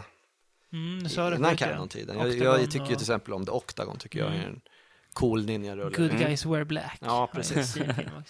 Ja. Och han har ju faktiskt eh, han har ju faktiskt gjort den, den grymmaste fighten Bruce Lee Mm. var med i, eller vad man ska Mm. säga. Den bästa scenen Bruce Lee spelade in var väl mot Mm. Chuck Norris i Way of the, Way of the Dragon när de slåss i Mm. Colosseum. Det tycker jag är en otroligt cool scen. Mm. Bombastisk och, och snygg och sådär. Mm. Så att all cred till, till Chuck Norris som, som karate, Som, martial artist eller vad man ska säga. som slagskämpe, men inte mer än så.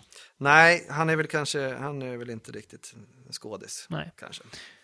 Så vi går vidare med deras andra Chuck då. Ja, Chuck nummer två. Charles Bronson. den andra Chucken, ja. Eh, och du valde ju du nummer tre i den här serien. Du Mm. får väl motivera varför. Vilka filmer är det vi ska prata om, Kristoffer? Det är Death Wish 3 Ja. från 1985. Varför blev det inte Death Wish 2 då? Kan vi Eh, börja? För det är också kanon. Ja, det är det ju. Och det, var, det här var ju en sån här franchise som, eller som de gjorde i alla fall till en franchise, som de plockade Mm. upp då Canon. För att, eh, och Bronson var väl lite halvt eh, bortglömd, hade problem att få roller och sådär. Mm. Så att, men, men Canon, eh, i Ca- Canon Group fick han ett hem. Mm. Ja. och eh, man kan säga, jag tycker ju om Def, den första Deathwish-filmen tycker Mm. jag ju Mm. mycket men är bra. om. Ja, Jag men tycker jag den är. Ja, men- lite skitig och cynisk och, ja. Mm. och ett, säger väldigt mycket om den tiden tror jag också. Mm. Hur, hur folk eh, kände lite grann i New York. ja. Mm. Att eh, gatorna verkligen trängde sig på. Mm. Nummer två är ju lite svårare att, eh, att ta på. Det är ju någon form av lite så här rape and revenge twist Mm. på den som är som är, eh, ja, som alltid med rape and revenge, det är lite obehagligt. Men den är också, vet inte riktigt vilken fot den ska stå på, tycker jag. Det är ju, dels så är det ju mycket av eh, känslan från första Deathwish-filmen, men- fortfarande blir det den här, den här Bronson som, som går omkring och bara pangar ner unga ligister lite grann. Sådär. Så att det de är, i tredje filmen det, och det som gör att jag tycker eh, den är kanske intressantast att prata om, det är väl att eh, här har de vridit upp allting till max. Mm. Här är det verkligen så här full throttle. Ja, det, Verkligen. På alla det, sätt, det, det tre. Ja. Det är ju blivit, eh, nu, nu är all eh, samhällskritik borttvättad alltså. Nu Ja. är det liksom, Eller missvisad, eller vad man nu ska Ja, kalla den för. Alltså, den, den, den en- visar ju ändå att det är ett smutsigt samhälle, fast det är så otroligt platt. Det men det har liksom bara den blivit en, en norm till slut. Ja. Liksom, att det är klart att vi måste rensa upp bland alla, alla de här Mm. kriminella på gatorna. Liksom, va? Men de här Mm. kriminella som är i Death Wish 3, det är så fantasikriminella. Alltså, Ja, det, är- det alltså, det, alltså det är som skurkarna gör ungefär i Polisskolan-filmerna. Mm. Liksom. Ja, ja, visst. Absolut. Väldigt öv överdrivna. eller, eller som i The Warriors, typ. Är, Mm. det, som att Ja. det är något gäng därifrån. Warriors. Ja. Det är Ja. lite som när, när eh, Hongkong-rullar ska, ska utspelas i USA och göra liksom så amerikanska gäng. Det blir liksom så här typ väldigt fantasipåhittat Ja, och ja, massa blandade etniciteter och li- lite sånt. Men vi kanske ska börja med synopsis på, Ja, på filmen filmen. börjar ju väldigt, alltså den kastar ju in oss rätt kvickt i handlingen. Mm. Han kommer dit då, Charles Bronsons karaktär som heter Paul Kersey. Paul Kersey. Yes. Ja. Han kommer dit, tillbaka till New York, Mm. eh, för att hälsa på en polare. Mm. Eh, och i, opassande nog får vi se parallellt med att han anländer till New York så blir hans vän mördad. Eh, Charles Bronson kommer dit i, ja, efter grevens tid till och med. Ja, Eh, precis. hans vän ligger och dör där. Eh, och så fort hans vän har dött, typ sekunden efter, då stormar polisen in och Charles Bronson blir gripen för mordet då, utan att de har egentligen något att gå på. Han, han gör inte ens motstånd när de tar honom. Det är en ganska rolig scen. De bara tar honom och han, han går med dem. Och de, de slänger in honom i Och de fängelse. är väldigt så plumpa. Han bara, åh, du ska åka i fängelse. Ja, och han har inga rättigheter. Han får inte ringa någon, inte prata med någon, inget så här... Inte ens ett åtal. Det är, han "Nej, du ska sitta i finkeln. Jaha. Slänger in honom i kurran med en massa thugs som Ja. hänger där liksom. Men sen så gör ju han och polischefen då en deal att ja, men om du drar och, och rensar upp så, så eh, slipper Mm. du sitta i finkan. Alltså, Och- om vi bara kan stanna kvar vid fängelset. Alltså, Ja. Ja, innan, hur fan innan fungerar det där polishuset, det där fängelset? Ja, alltså, det är- fungerar inget vidare. Sjukt, alltså. Nej. Nej. Det, det, det roliga är ju att de, de säger ju till och med att vi, äh, vi måste ju, vi tar de här gangstersna, sen måste vi ändå släppa ut dem. Liksom, Mm. så här. Men fan, prova att behålla dem då, ni ser. Jag menar, det, inte, det verkar inte speciellt hemligt det de håller på att pyssla med, de här kriminella. De är, de är helt öppet springer de runt och, och beter sig Ja, vansinnigt och ja. verkligen härjar och slåss och grejer på. Alltså, Ja, och, Polisen är verkligen värdelösa. och de är ju jättesmarta när den, då han sitter i det där öppna häktet med tio andra personer. Att då de börjar slåss med varandra och så bara, jag ska döda dig. Ja, men det gör ju jättebra för din chans att komma ur fängelset om du dödar någon inne i fängelset. Eh, Inne i häktet liksom. Det är så kört då. Ja, Sen så nej. träffar han ju, han träffar ju den här skurken där inne för, Ja. för det här gänget. Då, som, Mm. Fraker heter han väl. Freak, ja just det. Gavin Gäng- O'Hurley. Gängledaren. Som Ja, en precis. inverterad tuppkam. Som har inverterad. Ja, Ja, för- eller vad man ska säga till det. Det- det är så här backslick fast rakad precis i mitten med en röd linje målad. Mm. Alltså, ja, de är så är så det är inte sant. Och han måste ju vara liksom den, han måste väl vara liksom den fånigaste gängledaren ever. Han, ser, han är så här, Mm. en fräknig, rödhårig snubbe. Han ser ut som någon, och för sig någon så här eh, advokat kanske. Så här, Ja. Korrupt advokat skulle Mm. han kunna vara, men inte fan gängledare. Liksom. Nej, verkligen inte. Och han ska liksom styra Men han är ju ändå, jag tycker ändå han funkar rätt bra i den här liksom serietidningsmiljön på något sätt som de Mhm. bygger upp. Va? Mm. Och han, han säger ju så extrema saker hela tiden ja, ja. som är kul. När han bråkar med, med, med bronsen inne, inne i kurran där och då, då, då säger han ju till honom när han går ut därifrån bara You know what I'm gonna do for you? I'm gonna kill a little old lady just for you. och sen så kommer polisen och så bara, äh, vi tyvärr, vi har ingenting, han är, he, has a clean slate. Ja, Så vi måste släppa ut Mm. det. Hur fan kan den här killen då som är någon form av eh, gängledare, Ja liksom. visst, han har helt clean slate. Jag menar hur dålig är polisen? vad- Ja. och vad, gör, vad, vad gör han i häktet? Om Ja, han ja. är clean slate? Ja, alltså. det var väl bara tillfälligt då. ja. Och, då, och Ed Lauter är det ju som det. spelar Mm. polisen där som Bronson gör den här dealen med eller? Mm. Här No nonsense polischefen där. Ja Mm. visst, som, som symboliskt nog går omkring och, och dödar kackerlackor så här. Och kallar Bronson för dude. Tänkte? Hej dude. Ja, men det är kul, det är, det är en ganska kul scen faktiskt när, när eh, hans, han, han har bestämt sig för, och han har väl förstått att, att, att vem, vem det är han har fångat in Mm. va, och bestämmer sig för att släppa lös för att han liksom är den enda medicinen som, som fungerar på gatorna. Och så knäpper han upp och han, ja, den här pickan den, den såg jag aldrig liksom så här. Och så frågar Bronson han liksom, are you letting me loose? Ungefär som han är liksom en form av kamphund som ska släppas ut på gatan liksom och bara ta för sig liksom. Och det gör han ju också. Den här, den här gubben Mm. liksom, hur, hur gammal kan Bronson vara där? Han var 63, 63 Ja, 63 år, ja. Let him loose. Imponerande. Farbror, ja precis. Han, det är ju en scen i filmen, han, han, får ju en, en flört också med Ja, advokaten. jag tänkte ta upp det. En väldigt, väldigt mi- miss anpassad kärlekshistoria, Ja. så det är inklämd så här. Ja, Hon är ju, hon är ju 30 år yngre än vad han är för det första. Det räcker nog inte. Nej, 35 år yngre. man säga 27 eller någonting kan det vara. Liksom. Ja. och han, han är 63 Och där är, ju, där är det ju en scen när han, han håller på att sätta på sig en tröja. Och man ser att han är fortfarande helt jävla rippad, gubben, Mm, alltså. ja. Så att det är, det är ju han har ju haft en imponerande fysik alltså, Ja. Bronson. Mm. Även om han ju äldre han blev, ju större blev vapnet och så vidare. Brukar Jo, man ju säga om han, liksom, att han kunde inte riktigt Lite. Men han är ju alltid, ja, det ser man ju i hans gamla filmer, han har ju en Mm. fruktansvärt jävla vältränad och, och snygg kropp alltså. Mm. Och det blir ju, det blir ju häftigt med, med det här gubbansiktet. Ja. För att han ser ju verkligen ut som en gammal sliten indianfarfar. Ja, så, så bara han, ja. rippad i kroppen liksom. Ja, Så ja, det, det är rätt det är sant. coolt faktiskt. Ja. Men sen så när han börjar då, han börjar ju liksom att, han, dels blir han ju kompis med, med, av någon anledning så bor ju kvar bara pensionärer i det här, i det här fiktiva området i New ja, York. så, nästan bara. Det finns ju ett, ett yngre par. ja just det. De råkar ju typ sämst eller... Ja. Mm. Och eh, började, började då liksom att hjälpa dem på, på, på olika sätt. Och de råkar illa ut och det är liksom det pushas längre och längre och till slut så finns det bara en, en, en grej som gäller och det är ju ge tillbaks med, Mm. med bly. Så han beställer Ja, sin precis. gamla kompis, eller han, han, han säger väl att ja, I got old friends Mhm. in the mail eller vad han Och säger. det är en riktigt fet, fet revolver. Ja, precis. Ja. Riktigt. Magnum. Ja, Wild, ja just det. Ja. 475 Magnum, som var Bronsons egen picka. Det var Ja. han som kom på då, liksom, Mm. bidrog med att den här pistolen borde vi ha med. Och det, det gick de väl med. Och det Mm. har ju blivit också en väldigt ikonisk Mm. bild när han står med Mm. den här pistolen också. Den här stora elefantbrakaren. Ja, Liksom. precis. Älgstudsaren, eller ele elefantstudsaren då, Ja, till och med precis. kanske.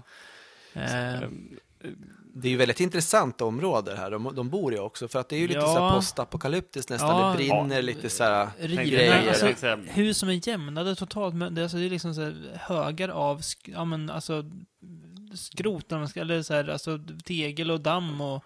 Alltså, Skit, då, liksom. då när man börjar närma sig filmens eh, sista del, eh, då, då Ja, action-kapitlet tar verkligen brakar fart. igång. Mm. Och, och, och man ser de här motorcykelgängen åka omkring. Ja. Eh, då, då, då tänkte jag plötsligt, jaha, har vi, jag råkat slå på en italiensk postapokalypsfilm? Ja, ja, visst, det känns verkligen För Det så. känns verkligen som att det är så här Bronx Warriors eller någonting. Folk med på tokiga hjälmar och kommer och åker. Och, ja, den är helt vansinnig i slutet på filmen. Det sitter folk uppe i träd och skjuter och det kommer folk springande. Och det, det är helt plötsligt, de ringer ju, han ringer, Freaky ringer ju dit massa Ja. snubbar han känner.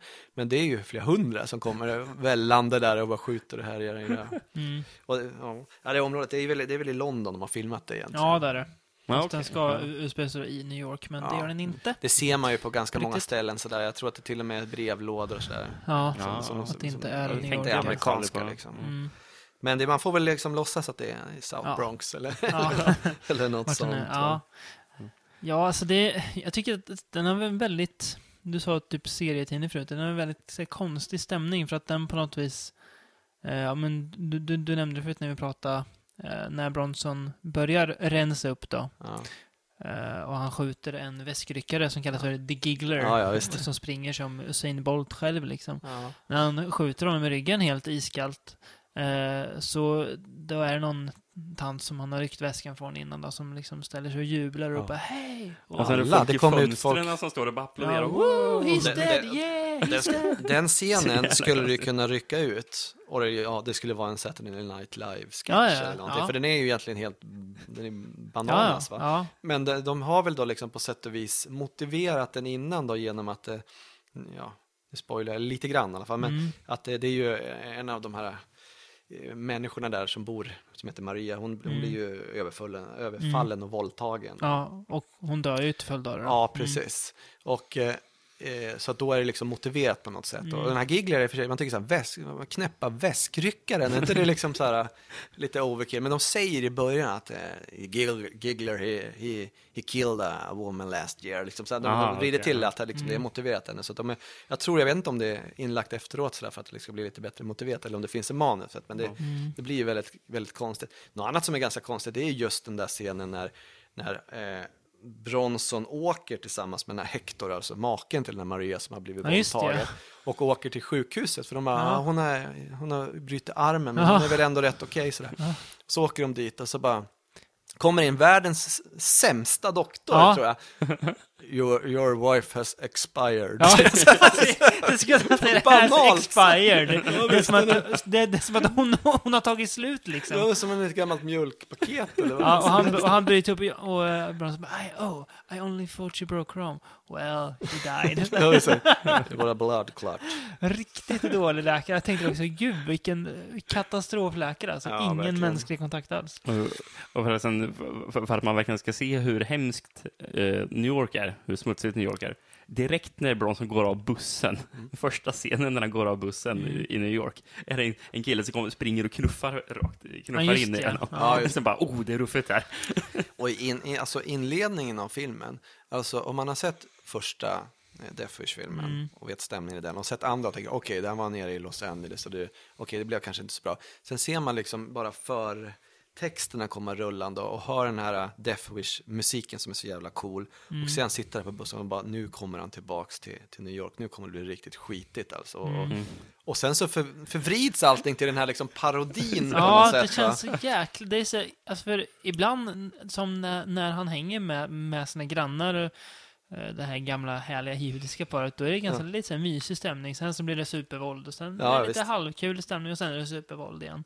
Ja, visst. Eh, att Även det- när han, när han riggar den här bilen då, liksom med Ja. att det ska komma folk och börja sno grejer i Ja. hans bil och så bara går han ut och, och sk- skjuter dem. Ja, liksom, ja, helt- utan... eh, It's my car, bam bam. Så, Det är ja. ja. också ganska banalt på Ja, något sätt. Va? det är ja, märklig, märklig stämning på Ja. något vis. Eh, Jag, jag apropå bara den polischefen som jag gillar så mycket, för han är så jättekonstig.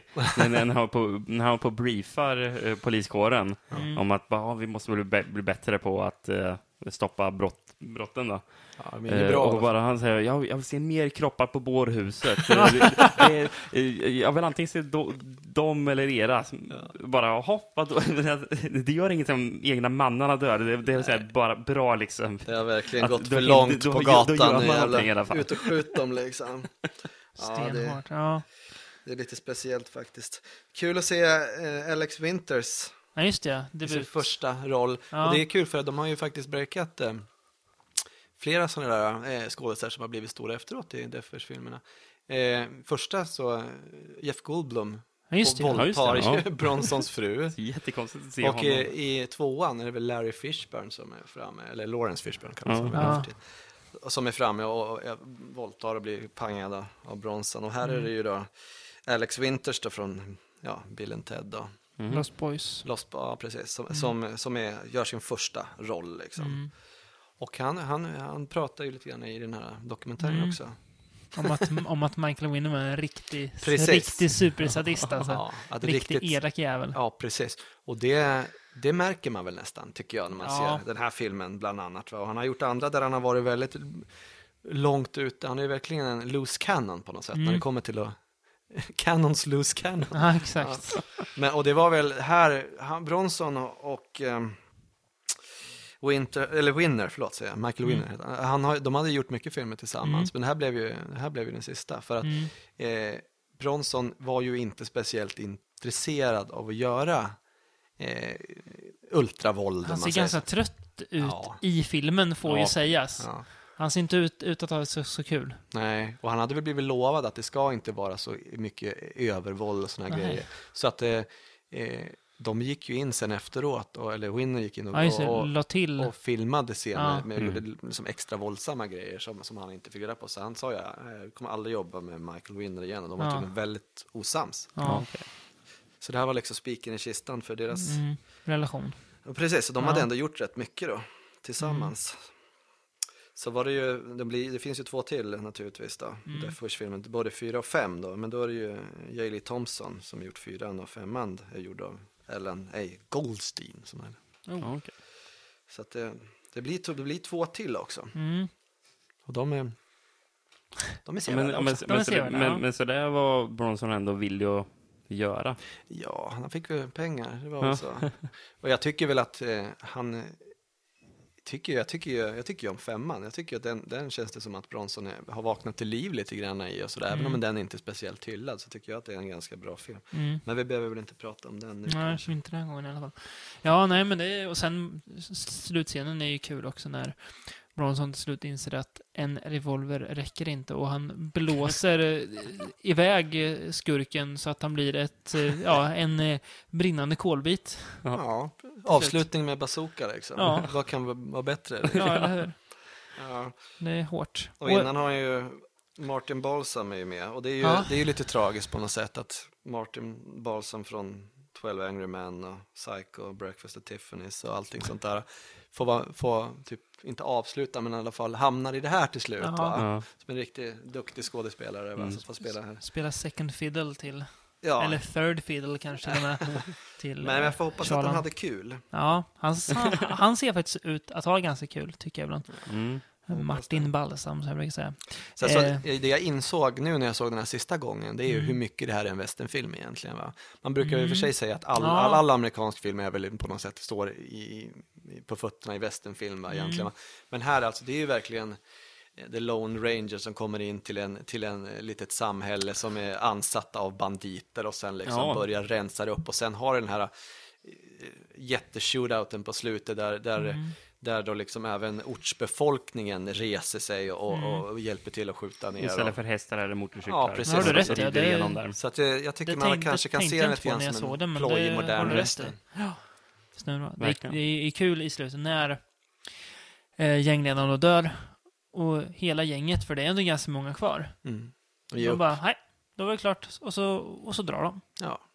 Var Mm. de, var de klara. Han var, ju hans- det var han, Fraker, som Ja, motiverade dem Ja, med sin inverterade tuppkam. Ja, Jag menar, vad fan är det för målat streck liksom? Ja, På huvudet. Och så, det är väl ett rött streck och så två svarta ja i pannan. Så här. Ja. Vadå, alltså tatuerar i ansiktet eller någonting om ni ska vara farliga gängmedlemmar? Ja, Varför måla inte med springa lite runt och mål- måla med fingerfärg liksom? Ja, det ser Som en lite jävla dagisklass. lustigt ut. Men ja, nej, men eh, den är kul. Den är ju alltså, ja, väldigt märklig stämning, men eh, sevärd absolut. Ja. På alla sätt och vis. Det är roligt, det är, det är en kul eh, en och en halv timme. Ja, ja. Man får inte tänka så mycket kanske sådär. nej, det är skönt det, att slippa det det är ibland. full fart och man får väl inte försöka fiska efter sensmoral på det sättet. Att vad, vad säger den här? För det, grejen var ju att efter de här filmerna, den här vigilante-vågen, så blev det ju problem i USA med Mm. Ja. folk som började ta lagen i egna händer och, och bete sig. Jag tror att till och med Bronson gick ut och liksom Det sa att ni fanns ska ett inte... fall i Ja. en kille som sköt fyra svarta i, i New York. Ja, precis. När de försökte råna honom. De skulle liksom börja rensa upp. Och det säger ju det, och anle- anledningen, alltså de här filmerna på något sätt så tog de väl också, de fungerade ju för att det var pulsen i samhället på något Mm. sätt de tog. Va? Det var ju väldigt mycket problem med, med, med gäng och såna grejer i Mm. New York på den här tiden till ja det, exempel. men det är ju därför till exempel, ja, om vi återgår till Marvel, Ja. Punisher och eh, Daredevil, ja, de, då. är, de är Men- vigilantes också. ja, i, nu, i det smutsiga New York Ja. då, det som var Hell's Kitchen liksom. Innan Giuliani eller, rensade upp det där sen. Mm. Liksom. Så- Så det fanns ju en anledning till att de utspelar sig i just Ja. de områdena. På Ja, samma precis. sätt som Death Wish. Alltså, Punisher har väl en del Death Wish att tacka för liksom. Som, Jo, men det, karaktär. så är det ju. Absolut. absolut. Eh, sen så är det väl kanske så att eh, idag så, så kan vi väl kanske, får vi väl se det med, med lite grann av- som ett, som ett roligt skämt. Liksom. Mm. Men det är ju det är väl ändå en otäck verklighet i bakgrunden till Mm. att de här filmerna har Mm. kom till va, egentligen. Mm. Ja, ja, nej men eh, Ska vi ta något lite som inte har så mycket otäck verklighet? Kobra. Kobra. precis. Kobra. Stallone, det, det är ett Stallonska flaggskeppet för eh, Canon, kan man väl säga. Ja, ett av dem, man gjorde väl två stycken Mm. med, med Stallone. Over Dels the top här, också, va? Over the top där det Mm. bryts arm, vilket jag, jag när som helst sätter Kobra och, ovanför på. Mm. Det Det- kan jag förstå, nästan. Ja. Vill- dra synopsis, Rickard? Eller? synopsis i Cobra. Ja. Ja, jag vet inte fan. Kör du. Kör du ja. Okej. Sylvester Stallone spelar Mm. en hård snut som heter, som kallas för Kobra. Han heter Mm. väl Cobretti. Cobretti. Ja, Marlon, va? ja Marion. Marion till och med. Marion Cobretti. Cobra Cobretti. Ja. Han, eh, han, han ingår i någonting som kallas för The Zombie Squad. Alltså så Ja, det, snutar ja. som som, eh, som bara rings in vid väldigt prekära situationer sådär, Mm. som inte riktigt är by the book. Mm. Nej, Och, kan man ju eh, säga. Filmen börjar med att en galning har tagit sig in på ett köpcentrum, eller vad det nu är, en, en Ja, stor en liten matbutik. typ- Ja, precis. och har börjat skjuta sönder eh, ja, meloner och läskflaskor och, Mjölk och... och sådana där grejer som ser häftiga ut när man Ja, skjuter sönder. precis. och tar gisslan och säger att det är the new world order. Mm. New world order är här och allting börjar snacka massa skit. Och det är då, snuten utanför vet inte vad de ska göra, de kan bara göra en grej, de ringer. De säger så här, Cobretti. let's call the Cobra. Har han, har han inte Cobra som reggskylt till och med? Nej, Jag han har han kanske inte har det. annat. Ja, men han, har en- något, något han Han har en något sån sånt där hard eller någonting. Alltså, Badass, Ja, det, är- det är någonting, badass tror jag det ja, det, är. jag kommer inte riktigt ihåg, men det är någonting sånt där som En är sån taska eller någonting står det liksom. Ja, det, det- Något coolt i alla fall. Ja. Ja, och han glider in där och han är ju, eller i alla fall försöker vara coolheten personifierad Mm. med, med en ett tändsticka eller en tandpetare i Mm. munnen och solglajjor och liksom. Som ju Drive tog inspiration Ja. av sen. Det var ju Ja. därifrån som det kom. Jaha, Mm. okej. med, precis. Ja. Det- Cobra alltså. Ja, Mm. precis, precis. Och han glider in och löser det här problemet. Ganska klumpigt dock. Han är ju Ja. inte jättesnabb på att göra det, men... eh, Nej, han ska ju snacka massa skinn och dra Ja. lite one-liners och Ja, sånt det är där. klart. Det är rätt i. Det är klart. Jag måste fylla Eh, men det, det visas ju i alla fall att det är ju en, en kult som härjar, eller de, de får reda på att det är flera stycken i alla fall. Mm. eh, Och som, som, eh, för det har blivit några fall i, i Los Angeles Mm. där det, det night,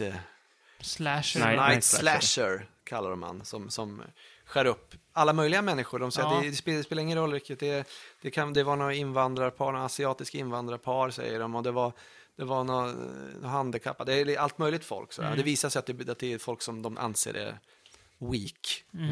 Mm. Vi måste sortera ut de, de, de svaga så de Mm. starka kan, kan leva. Och de, Mm. de är, jag vet inte, de är någon form av nyfascistisk Mm. sekt Ja, jo, eller jo, jo. något sånt där. Det verkar ju, de är ju lite grann som, som lite som den här sekten, sekten i The Following på något sätt. De dödar mest liksom, för de har liksom ingen agenda, de verkar bara liksom vara, bara... vilja döda, Döda, folk. Det är det ja. som är Ja, grejen liksom. Det, det är kul att döda, tänker de. Men eh, in på scen kommer Bridget Nielsen Mm. som var Sly Stallones flickvän på den här Mm. tiden. Mm. Och eh, hon eh, åker förbi då när de här håller på och anfaller någon, någon tjej.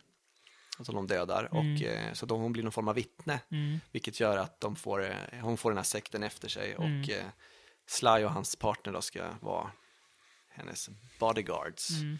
Och, och eh, det går väl sådär. De, Det blir, blir mer än bara bodyguards, kan man väl säga. Ja, då blir, det blir lite, lite kärlek Mm. och eh, de bestämmer sig även för att sticka ut, ut ur stan av någon oklar anledning. Mm. Och, och den här sekten hänger med efter och, eh, och eh, anfaller dem. Liksom, Mm. vidare. Det här är en film som jag, jag eh, såg väldigt många gånger när jag var liten.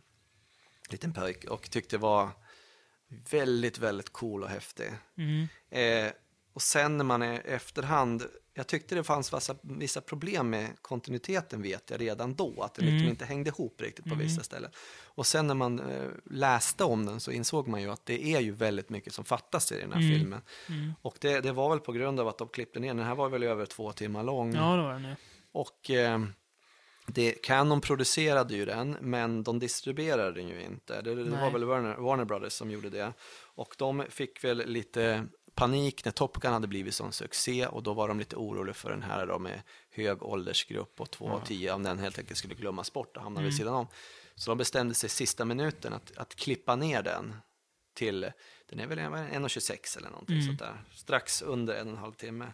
Så tungt nerklippt då. Ja, och, då och det de gjorde var ju att även klippa ner den till en lägre eh, åldersgrupp. Mm. Och eh, det märker man ju på flera ställen tycker jag att det, det saknas body splats till exempel som man brukar säga när folk blir Mm. skjutna sådär. Att man märker att de har klippt precis efteråt när de blir träffade. och Ja. grejer. Och man, man, den här, man säger ju att den här scenen då på, på sjukhuset när eh, hon är på ett sjukhus, Bridget Nielsen, och den här Mm. Brian Thompson som spelar den här Night Slasher tar sig in som någon form av eh, som eh, städare va? och eh, mördar sig fram till henne va, egentligen. Mm. Och den är väldigt, väldigt nedklippt. Den var mycket blodigare och mycket längre från början, men Mm. den, fick, eh, den fick stå tillbaks lite grann. Ja, men Mm. hela filmen skulle ju egentligen varit extremt våldsam. Ja. Mm. Och jag tror att hade den fått vara det, då hade det då varit en av de riktigt stora ultravåldsfilmerna från 80-talet där, utan, Mm. utan tvekan. Och jag hoppas ju att de, tänk om de skulle kunna eh, ta fram den här kopian och, och släppa den nu. Vad, vad, Mm. vad jäkla roligt det skulle vara att, att se den. Va? Mm.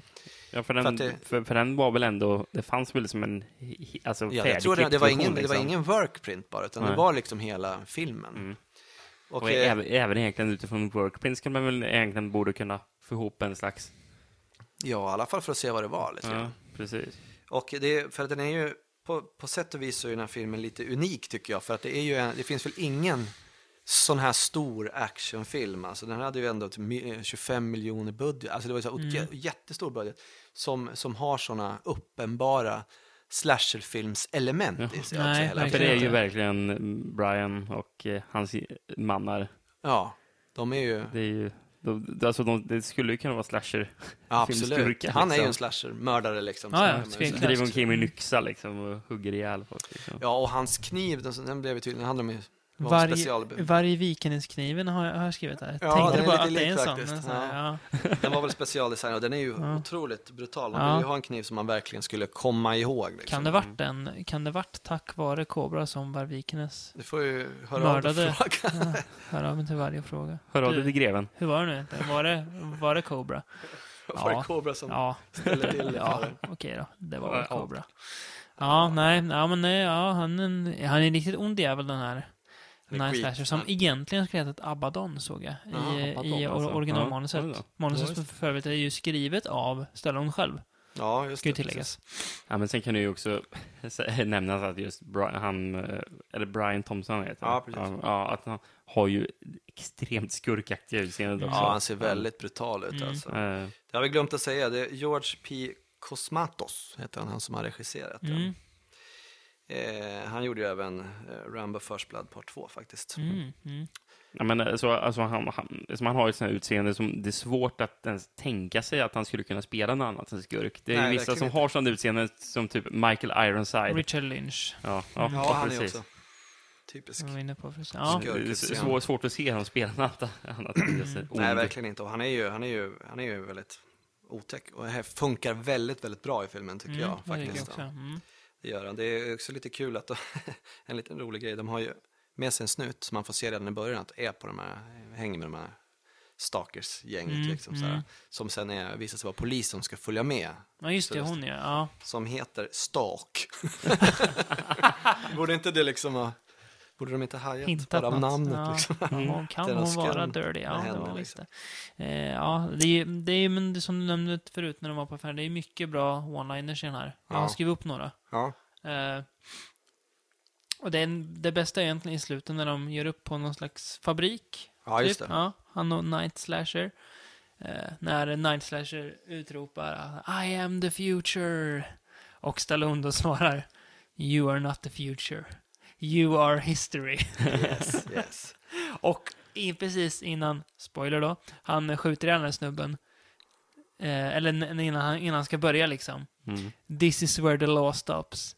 And I begin. Ja, just det. Det är så bra. Det är så, man sitter ja det här Ja, men han säger, till, han säger till första snubben inne på uh, köpcentret där säger han också You're a disease and I'm the cure. Oh, han. just det. Ja, det är så, så bra. märks ja, alltså. det märks ju att det här är väldigt mycket Sylvester Stallones film. Jag tycker Ja. att man kan faktiskt förstå att eh, Sylvester Stallone har utvecklats och gjort eh, Expendables-filmer och grejer, för det är lite grann av samma humor, samma förhållningssätt Mm. lite grann. Mm.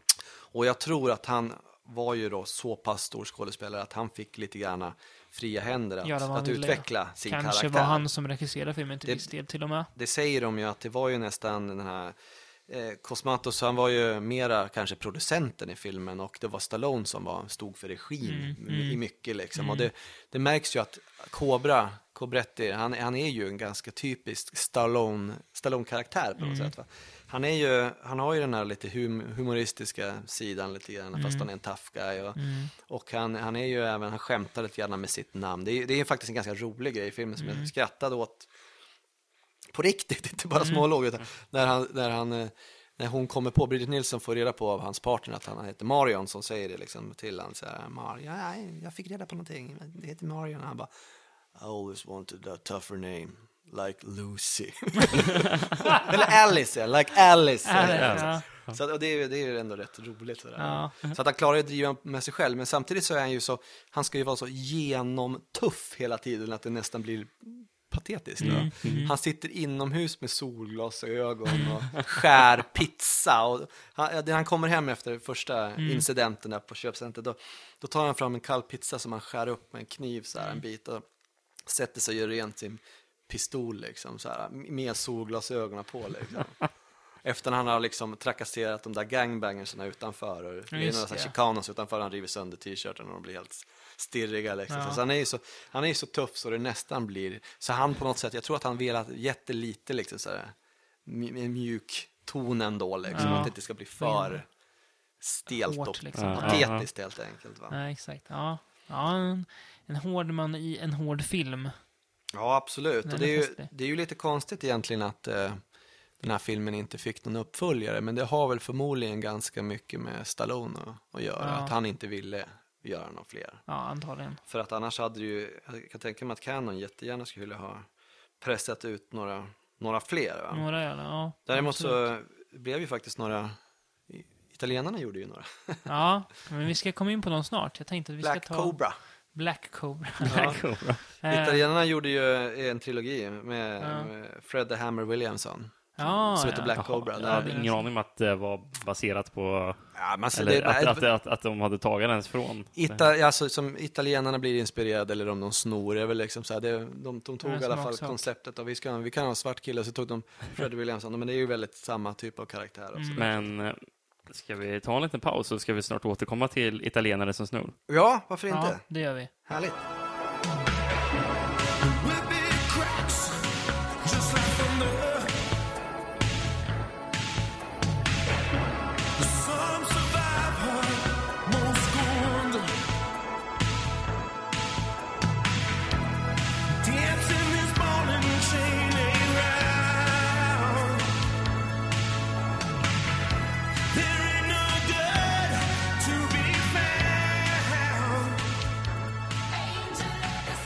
Det ni hörde alldeles nyss, det var ju filmmusiken från, från Cobra. Eh, Den låten som de, de kör, som är liksom verkligen som en musikvideo i filmen också, som heter Angel of the City. Mm. Så Just den har vi hört här i pausen. Kanonlåt, eller vad säger ni? Det var väldigt typiskt för 80-talet och MTV-generationen att man gjorde, alltså man kunde göra liksom en, en musikvideo mitt i filmen. Ja, Så det är, det är lite häftigt. Men nu ska vi gå vidare något till, man saknar idag. ja det saknar man ju. Och ofta i, i Baywatch också kommer jag ihåg. No. Men nu ska vi gå vidare till Barbarians från 1987. Eh, Deodatos barbar-epos. yes. Mannen bakom Cannibal alltså. Holocaust, bland annat. Ja, det får man ju säga. Ja, Och nu tänkte jag Rickard skulle berätta vad filmen handlar om. ja se hur pass mycket han kan göra det utifrån minnen han har. Det är, det är tveksamt alltså, men vi ska, vi ska försöka. Mm. Men vi pratade ju om rip-offs eh, precis innan vi gick till paus här. Mm. Ehm, och ja, som så många andra barbarfilmer är det ju en typ en rip-off på Conan på sätt och vis. Mhm. Um, Utan Fast- tvekan. fast är det Conan gånger två, för det är två barbarer. Mm. Eh, tvillingar. Twice, twice the fun. Ja, twice the fun. Åh, jävlar vad roliga de är också. Fan, jag vill strypa den här jäveln. Alltså. Så jävla Kommer in på den sämst. Ljudet som du gjorde, ja precis. Men det, det är en av killarna som i alla fall gör det extremt mycket. Mm. Eh, ja, Nej, men det är, man får väl följa, Ja, vad är det för något? Okej. Jag tar över styret De, de, de, de, är som barn. Rickard verkar ha glömt barn. filmen av någon anledning. Ja, men det är Skämt så, så åsido. svårt att Nej, men de blir ju åtskilda som, som barn då, av några typ slav, slavhandlare eller någonting. Eh, när, de, när en, en by blir attackerad, som alltid är i så här eh, italiensk svärd och sandalfilm. Nej, Eh. ska ska jag hjälpa dig? Nej men det är ju så, de blir ju... Den Nej, här, det- jo, det de blir attackerade och, elaka- och tagna av slavhandlare. Är de inte slavhandlare? Är en magiker eller Nej, någonting ja, kanske? han, ju- han, för att han, det är ju dealen han gör. Mm. Han, får ju, han kidnappar ju någon form av eh, sorceress Just det, ja. som han är kär i. Hon är blonda bruden, ja. Ja, precis. Richard Lynch igen, Mm. spelar Kadar heter han, den här Kadar, elaka krigsherren. Mm. Och dealen är, okej, jag ska inte döda dem. om du fortsätter att vara liksom kär i mig, lojal Mm. till mig till henne. Så det är därför de får överleva överhuvudtaget. Mm. Och då istället får de bli gladiatorer. Mm. Typ. Och skiljs ju åt i alla fall som små. Ja. Mm. Men sen hoppar tiden framåt, i alla fall för de två, fast hon, den här kvinnan har inte åldrats en dag. Det är Tänkte ingen som det? åldrats förutom Nej, dem. Förutom bara, bara barnen. Precis. Eh, och de blev vi, eh, ja, de skiljs åt men nu är de gladiatorer och då ska de mötas då. Ja. Och börjar ju typ slåss, men då den ena reagerade på Men du, vi är ju bröder! Ser du inte? De har ju fått lära sig att hata, en, ena killen har fått lära att alla som torterar han och både på slå han och piska har svart hjälm, tror jag Mm. var. Och den andra är alltid en guldhjälm, den som Mm. torterar den andra då. Mm. Så att de får sätta ju på dem eh, Mm. varsin hjälm då, Mm. och så får de slåss mot varandra. Och Mm. Tanken är att de ska slå ihjäl varandra, men Mm. de... "Åh, Det är du! Ja, slut precis. Kan ni också tilläggas att eh, de har ju blivit upptränade av Michael Berryman. eh. Som, eller Mm. de har blivit ja, torterade av honom. Så, Michael Berrymans sämsta roll kanske? Gud, han spelar över så enormt. Och bara står och skriker och här Ja. Dirt Master heter han. just det. Ja, ja är riktigt. Ja, men sen så blir de, blir de polare igen. Typ. Typ, ja. Halvt i alla fall. Och bestämmer sig. "Nej, Nu räcker det här. Nu ska inte vi vara gladiatorer längre. Nu ska vi hämnas. De slår sig ut därifrån. Ja. Ja. Och eh, de, de drar ut i skogen har jag för mig och så blir, då träffar de ju på den här sin gamla eh, kvin, kringstrykande gycklarfamilj som Ja. de har, till, eh, har tillhört förut. Mm. Och de känner inte igen dem och tänker hänga dem, men det, det, det går ju inte. Nej.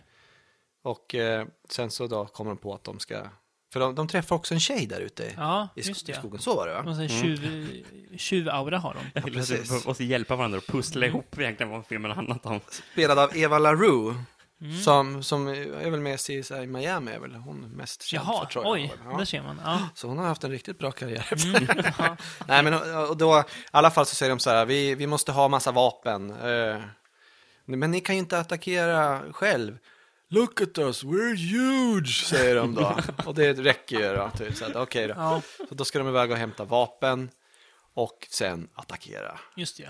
Det är väl Väldigt, väldigt simpel så här, Mm. plott liksom. Ja, sjukt jävla dum film är det ju. Ja, ja. det är väl ingen som, som säger emot dig där. Och dummast, det är ju de här två tvillingarna. Ja, Ja. de är så korkade alltså. Som gör det där ljudet som du gjorde där i början. Som en jävla åsna. och han gör det, han gör det hela, Ja, hela tiden. Sen är det ju en fruktansvärt otäck scen när de tar sig in till, eh, till den här elaka då, Richard Lynchs Mm. palats eller vad fan han bor i för någonting. Och eh, eh, då, säger de, då säger de till honom innan, så här, du vet väl att han har ju bara varit kär i The Sorcerer, så han har ju neglected his mistresses. Mm. Så att då, då kommer de ju in där och så råkar de ju, eller han liksom går och puttar på, på de där tjejerna som ligger där och sover. Så att de vaknar till liv och hoppar över han liksom sådär. Och då, för de är ju pilska. Ja, jättepilska. Och då bara han... För fan, jag bara tänkte, nu, nu är det väldigt nära att det här stängs av alltså. Det är så jävla Ja. dåligt verkligen. Ja, ja de, är, alltså de, de härjar ju ganska friskt de här två, två barbarbröderna och skriker och gormar och hoppar runt och gör lite vad de vill. Kutschek och Gore heter de. Men de som spelar de, det är två wrestlare egentligen va? Nej, de är väl bodybuilders tror jag. Det bodybuilders? Ja. Mm. De heter Peter och David Paul. heter de. De gjorde väl lite fler filmer sen. De gjorde väl några fler sådana actionkomedier och, och grejer tror jag. Mm. Tillsammans också. Jag tror de har gjort en som heter så här Double Trouble eller något sånt där också. De Han måste ju kolla upp den där filmen. Mm. Se om någon man. fortsätter göra. Ja, förhoppningsvis. Det kanske var hans liksom signum. Trademark, ja. Fan, fruktansvärt alltså. Alltså, jag, jag, jag, du låter ganska negativt inställd, Kristoffer. Ja, för vissa att- delar av den är väl lite Ja, negativ. Jag Alltså. tycker att den är, han var väldigt kul. Alltså, den är ju totalt, alltså, det känns som att, att Deodato har insett att okej, det här har jag nu att jobba med. Vad ska jag göra av det? Jag kan nog inte göra något av det. Ah, nu kör vi. Kom igen nu gubbar. Mm. Och så blev det ju vad det blev. Och det är ju, alltså, det är ju ett sammelsurium av allt möjligt. Någons fel är ju att det har blivit tokigt. Ja, Nej, ja. men alltså, grejen, är, filmen har fyra miljoner i budget. Det är rätt mycket ändå. Ja. Och det tycker jag, det märks ju på vissa ställen att den, har, att den är lite påkostad. Jag tycker Mm. att de har ganska bra dräkter och sådana Ja. grejer. Mm. Alltså. Och bra sminkning. Det dyker ju upp ganska mycket tokiga liksom, Monster och sådär, och ja. sådana grejer som Det är det. som är ganska bra gjorda, men det är Mm. extremt dåligt utfört också när de slåss med de här Som den här monstren. varulven som de ska slåss mot som smyger på dem i en grotta. Som typ tappar huvudet. Ja. Om de bara viftar lite grann så ramlar huvudet av. Det, eller var vad så, alltså, det byggs upp flera minuter att det, ja, det är en varulv som håller på och gömmer sig här i skuggorna liksom. Och bara, oh, det här kommer bli farligt. Sen hoppar varulven, varulven bara fram framför dem. Ja. Hugger av bara huvudet direkt på dem. Bara, ja, Ja. det var det. Ja, det liksom rinner ut i sanden. Mm. Men sen är det ju en del så här rätt knasiga grejer som ändå är roliga Mm, naturligtvis. som det är det jag menar. Jag tycker till exempel den här draken de träffar som de bestämmer sig för att Mm. eh, skära upp magen på. Mm. De gömmer sig i någon, någon, eh, något hålrum i en sten. Mm. Och så när draken går över dem, då, då skär de upp magen och klättrar in Mm. i magen och hittar där också en annan eh, magiker, tjej där, som, som har tagit, en, tagit den här rubinen som de egentligen är på jakt efter, som, som håller Mm. musikens hemligheter eller något sånt där. The secrets of music förklarar de så här. Och det är det gycklarna har fått, och det, ja. det är så det är, det är det han vill ha. Eh, Richard Lynch, det är det han vill ha, han vill ha den där rubinen. Det är det Ja. det går ut på filmen. Han vill, bli, han vill bli en bra musiker helt enkelt. Ja, precis. Ja, precis. Men jag måste ändå säga, eh, du och jag eh, Ja. kollade ju nyss på Ator 2. Vi försöker Ja. gå igenom Diamatos At- Ator-filmer. Ja, ja. Eh, och det här är ju, håller ju högre kvalitet än Ator Ja, ja. i alla fall. Det Ja. kan jag ju lugnt säga. Det här är ju kul, alltså det här är ju, Eh. det är full fart och fläkt. Det är inte tråkigt en sekund. Nej, det är det ju inte. Det är ju tokigt så det sjunger om och de härjar ju ordentligt och visst kan man väl bli arg på att han låter som en åsna. det kan man Men eh, jag tycker det är ganska kul och det är korkat, det är mäktiga hjälmar som är stora som, eh, ja, Ja. min lägenhet typ. Det är magiker, drakar, Spännande monster. hjälmar det är i den här filmen. Alltså. Jag tror att det är anledningen till att inte jag gillar den, det är ju för att jag tycker att den lägger sig på en lite för kanske låg nivå, för låg åldersgrupp och att det blir Ja. lite för mycket tjo och kim i skogen. Och lite för lite alltså som Conan Barbaren där det liksom Mm. är det öppna slätterna och, och de slåss med svärd och huvuden flyger av. Alltså det Mm. är ganska brutal action. Jag tycker det här, är, det här blir lite för mycket eh, Sina liksom. På något sätt. ja. ja, jag kan förstå vad du menar. Men ja, nej, men jag tycker det är, det är under, alltså. Den här filmen är väl, ja, den sticker ut lite i den här samlingen filmer. Eh, det är ju en film för italofiler egentligen. Mm. ja, den, den gick ju åt helsike i USA. Ja, Det det, kan jag tänka mig. Den, den spelade in, jag tror den spelade in 800 000 dollar av sin 4 Oh. miljoners bu- budget. Va? Så att det Mm. blev ju en dyr historia det här. Mm. Men eh, är man en italiofil som du säger så, Som är, man ju är. så, så, är, så är det ju kul att se. Ett, ett måste nästan. Inte, om inte annat för Luigi Montefiore, alltså Just George ja. Eastman, som Mm. dyker upp som en form av armbrytande vapenhandlare eller vad Mm. de gör. Mm. Vilket han är alltid lite kul att se. Svinaktig som alltid. Ja, Mm. han är ju jätteskön. Mm. Också på tal om människor med skurkigt utseende. Mm. George Eastman har väl aldrig spelat sympatisk. Nej, Nej. de säger att han är otroligt, eller det sägs att han var, eller är otroligt Jättes... Är bra död. att jobba med. Ja, ja han är död, precis. Mm, Att han var väldigt, väldigt trevlig att jobba snäll, med, väldigt ja, bakom duktig. kameran. Mm. Ja, och skrev manus och allt möjligt sånt Mm. där. De har ju även den här Pino Donaggio Mm, som, som har gjort filmmusiken. va? Och Mm. det, det är ju pamp i filmmusik. Han Mm. gjorde väl, åt Brian De Palma gjorde han väl bland annat. Ganska, ganska mycket till hans filmer. Mm. Men även till, till naturligtvis till italienska grejer, han är väl italienare. Mm. Two Evil Eyes, Trauma och sådana grejer har han Mm. gjort musiken till. Ja, The Barbarians, ja, det är ju ja, en, en soppa med alla andra möjliga ingredienser, men eh, och resultatet är väl därefter. Ja, jag låter ganska eh, bitter och Ja. sådär, men så, så illa tycker jag inte är. Däremot så tycker jag att 4 miljoner dollar, det, det skulle ha genererat lite mer, tycker jag. Va? Mm. Och det jag kanske saknar, eftersom jag är också väldigt, väldigt förtjust i italiensk film, det är Mm. det här knasiga i Italien som jag saknar lite grann, där Mm. där det helt galna saker händer. Va? Och eh, det är Jag rätt så mycket lite- galet som händer här. Ja, men inte de här grejerna som liksom går över gränsen på något sätt som italienarna ofta klämmer in. Om du, om Nej, du det är jämför till exempel med, med The New Barbarian, Castellieris film där, Mm.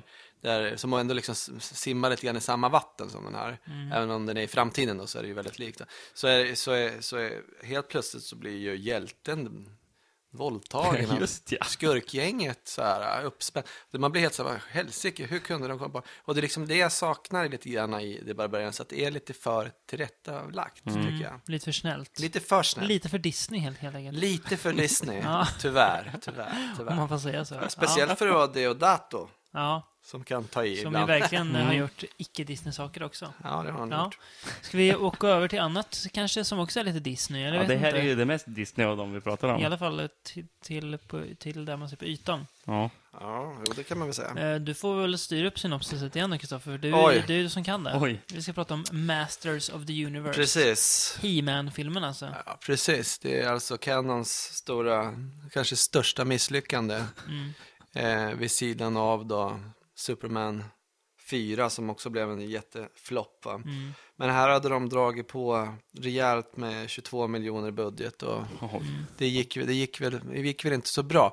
Eh, jag kan väl börja med någon form av synopsis då kanske, då, på, eller vad filmen handlar om. Man ska presentera He-Man här. Så. Precis, He-Man. Nej, men eh, så här är det.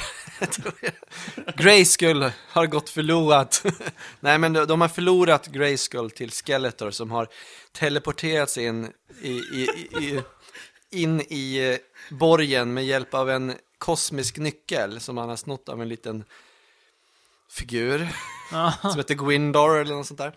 Och eh, på så sätt har de kunnat ta över Grayskull och eh, kidnappat eh, den, den viktiga magiska kvinnan, vad fan heter hon? Så sitt, se dig försöka förklara. Inte Evil Lynn eller? Nej, nej, nej, men det är, det är någon sån här eh, sorceress också här som, Ja, ja. ungefär lite grann som i början, som de har kidnappat här. Mm, Eh, och, och då ska suga kraften ur verkar det som. Då. För hon blir ju äldre och äldre väldigt snabbt också. Och eh, He-Man och eh, hans eh, kamrater som här är i, i, vad heter de för någonting? De heter, eh, Är det inte Man of Arms? Man of Arms är ju en av dem. Sen är det den här tjejen också. Ja, just det. Eh, Ja, som jag inte vet vem alls är. nej, precis, precis. Det är väldigt anonym eh, karaktär i den här filmen också. Mm. Väldigt håller sig till bakgrunden. Ja, precis, precis. Och de i alla fall, de, eh, de, de får ju tag i en sån här nyckel och teleporterar sig in i, i, i Grayskull igen och eh, det försöker frita The Sorceress, men det går åt helvete. Ja. Så de får kasta sig, han, de, har ju, de har ju träffat den här lilla killen som har gjort nyckeln också. Mm. Så han får ju ha- hamra in någon sån här tidskod bara på random. Och de kastas ut i en dimensionsport och hamnar då on earth. Mm. Eh, och, ehm, då, men då, på vägen då i, i den här dimensionsporten eh, porten så har nyckeln gått förlorad så de måste leta rätt på den också. De hamnar i en liten eh, am- amerikansk småstad. Kan man, måste det väl vara va? Ja, Sådär det, mysig lite grann med en liten diner där. det känns så, ja. Ja. Ja. Och eh, nu måste de hitta nyckeln och, och så vidare. Men eh, Skeletor har ju, skickar ju lite Hans fyra farligaste... Beastman och gänget efter, Mm. efter dem. Som, eh, men där, sen blir det liksom som en eh, bihistoria som börjar i, Mm. På jorden då. Mm. Eh, som eh, Courtney Cox spelar en karaktär som heter Julie Winston, heter hon här, Mm. har jag skrivit. Och eh, hennes föräldrar har dött och hon är på väg att flytta därifrån och hennes pojkvän Kevin är ledsen över det. Naturligtvis. Shit, den här filmen. Eh, Ja. Och eh, de eh, får ju tag i den här, de hittar ju nyckeln, eller han hittar väl nyckeln i alla fall. Och han tror ju att det är en japansk synt. Så de håller på att spela lite random på dem och skickar då signaler till Grayskull så att Skeletor, ah, där, där är de. Åk dit och ta dem. Mm. Så att eh, eh, de kommer dragande där hela gänget. Mm. Med Beastman. Beastman. det är den enda jag kan. Den enda, enda karaktären jag... Evil Lynn också, får inte glömma. Evil Lynn, Meg Foster spelar Meg Foster, Lynn. ja. Lynn, ja. Och sen kör det igång, det blir full fart. Mm. Ja, ja, det blir väl inte väl- full fart, men ja, fortsätt Det är ju ändå. mer eh, full fart när de är faktiskt på Eternia. Eh, Ja, alltså jag tycker ju, på något sätt så tycker jag ju att när de kommer till jorden, jag tycker inte att det blir sämre. Däremot så tycker jag ju att Courtney Cox karaktär och även hennes pojkvän är ju på något sätt en lite intressantare historia som jag blir mer engagerad i. Mhm. Och jag, jag, jag tycker ju, alltså He-Man och Dolph Lundgren alla ära, men de är jävligt okarismatiska och tråkiga. Ja. Och den här lilla Gwindor då som de har med sig, den- han är ju skitjobbig liksom. Töntig Ja. liksom, figur liksom. Han som gjort eh, nyckeln då, alltså. Ja, precis. Ja, ja. Han, han, han ska ju vara liksom eh, the comic relief, men han är ju mm, ganska jobbig. Han är, den, han är den här filmens Jar Jar helt enkelt. Ja, det är han. Ja, Ja, typ. utan, utan tvekan Ja. faktiskt. Mm. Eh, sen så kan man ju det, den här filmen den tankade ju så in i helsike. Va? Mm. Och det, det menar de väl att det är väl inte enbart kanske Canons fel. Va? Det, vad heter de, Mattel heter de väl, de som Ja, har rättigheterna Mm. för, för lä- leksakerna. De hade ju väl väldigt mycket att säga till om eftersom det var deras liksom copyright. Och Mm. de ville ju dels så ville de ju inte att det skulle baseras på den tecknade serien på något sätt. Va? Nej. Utan de var mer intresserade av att introducera nya leksaker. Så att de här karaktärerna, de här, förutom Beastman då, de andra. Ja, de andra är är, alltså- väl inte ens med i, i, i tv-serien? Nej, inte vad jag har förstått. Jag har inte sett. Tv-serien tror jag. Men de, eh, det var ju nya leksaker, så det var alltså helt okända karaktärer då, som de skulle slänga in och, och liksom eh, presentera för att sen kunna sälja en ny batch med leksaker. Va? Och det, det, det blev, då fick vi liksom folk kanske inte riktigt vad de ville ha, för de ville väl se He-Man rida på den här Mm. Tigen, ja, gröna. vad det nu heter för någonting. Ja. Ja. Ja, och så vidare. Så att det, och det blir ju en ganska mish-mashig film. Och, Mm. och Canon hade ju dessutom dragit på jävligt hårt alltså med väldigt mycket reklam när de kallade den för The Star Wars of the 80s och allting sånt där. Att det skulle verkligen bli en riktig, riktigt stor film. Va? Mm. Och istället så är det Frank Langella i en gummimask. Ja, man tar Frank Langella, sätter på en mask så man inte ser att det är Frank Langella. Vad tycker ni om, om Skeletors Han är mask? grym. Den är grym. Alltså, Man- Ja. Han är så jävla ful den där han är mäktig. halloween-masken han har på sig. Jag Alltså. tycker, jag tycker näsborrarna är väl det som ser konstigast ut eftersom man ser att det är en näsa som buktar ut på något sätt. Ja, precis. Så har de Och- målat och- bara svart liksom. Precis, som har målat svart eh, så, som att det ska vara att det är liksom Ja, just, just näsborrar. Ja, varför inte låta dem det ha näsborrar? Men det buktar ju ut. Ja, jag vet. Varför inte låta han Han ha? grym. man, man, man ser ju att vet, den näsborren är typ svart tyg. Ja. ja, jag vet det. Det ser, det ser inte alls speciellt. Han är grym.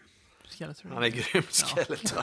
Det räcker så egentligen. Ja, så Langella gör ju, han sägs ju ha haft väldigt, väldigt roligt när, när han gjorde Alltså, det. ja. Han tycker det var väldigt kul att Ja, göra. Ja. Tydligen var ju hans barn, gillade ju He-Man och sådär, Mm. så han tyckte det var kul att göra rollen. Till skillnad från Dolph Lundgren så ser jag att det var ju low point hela hans karriär att Vilket här säger någonting. För han har ju inte bara gjort bra grejer. Nej. Annars liksom. Nej, det, det har han väl inte riktigt va. Men, och han, det var väl han, meningen från början att, eh, att han skulle bli dubbad. Alltså, att inte hans Mhm. riktiga röst, men han fick ju till det på något sätt att han skulle få använda sin, Mm. sin riktiga röst i alla fall. Va? Så att han, han hade väl väldigt svensk accent då, Mm. eller vad man säger. Eh, ja, alltså sen så tycker jag ju att det, det finns ju en del jäkligt roliga grejer. Alltså jag tycker fortfarande att det här är en ganska kul film att titta på. Ja. Om man säger så här, den kostar 22 miljoner dollar att göra. Första Star Wars-filmen kostar ju typ 11 miljoner och Rymdimperiet slår tillbaka kostar typ 17 miljoner. Mhm. Så att då, det då, då undrar man vad fan man fick för pengarna egentligen, va? för att det känns ju inte i närheten av det, det storslagna episka äventyret. Och det är väl kanske för att de, de filmerna, de utforskar liksom andra världar. Det här är liksom så här, nej, vi återvänder till, till jorden. Ja, och det, det fattar jag. Det tycker jag egentligen är ett jättedåligt beslut. Men alltså när de gör en He-Man-film då, och eh, de har den här världen Eternia, ja, varför ska den ens utspela sig på jorden? Ja, Det är ju hopplöst Blev- dåligt beslut. kanske Alltså, blev dyrt. Sen var det nog väl, Ja, men det, de ja, men väl- det, alltså, det känns ju som att det är sätt Pengar att spara in pengar liksom. Ja, precis, nej, men de har precis. ju pengar, men det känns... Det enda man, eller jag tänker när jag tänker "Ja, varför är den på jorden? Jo, det är för att de ska spara pengar. ja, det blir konstigt faktiskt, jag håller med. Men det, jag, tror att de vill knyta ihop det med någon form av collegefilm lite grann. Att de vill att det ska bli liksom den delen va. Med, med Courtney. Cox karaktär och hennes pojkvän och sådär. Ja. Att det ska vara lite så mysigt så. Och jag, jag tycker, jag- det jag tycker är nästan, det finns två scener som jag tycker är väldigt, väldigt roliga. Och det är ju, hon ska ju vara, hon ska flytta därifrån. Hon ska liksom vara, säga hej då till gymnastiksalen av någon jävla anledning, eller vad det är hon är för någonting. Ja, och, eh, och hon är där. Och så då kommer ju Beastman och gänget farande där. Beastman, och de, ja. De kommer liksom invällande genom att de slänger en jävla vaktmästare genom dörren. Så bara kommer de och väller in där i sina dräkter och grejer. Liksom vilken jäkla syn det måste vara. Liksom, du sitter där i en gympa så plötsligt kommer de där figurerna in. Sen så gör de exakt samma sak igen. Men då är det han, den här Kevin då, som är hemma. Och han har käkat hamburgare och han håller på med den här japanska synten som jag tror. Så kommer de igen, slår sönder dörren och kommer invällande precis på samma sätt en gång till, fast det är inte han sådär. Och det är precis samma sak, vad fan är det här för... Vilka är ni? Vad, vad får ni på er de där kläderna? Så att det, sen så, jag eh, såg ju den här filmen nu, jag har sett den två gånger faktiskt med min son. En gång när han var hemma och var sjuk. Han är ju, han fyller ju tio år snart, Nils. Då, så att eh, eh, jag såg han när, när han var sjuk och sen så såg jag den med han nu alldeles innan podcasten här.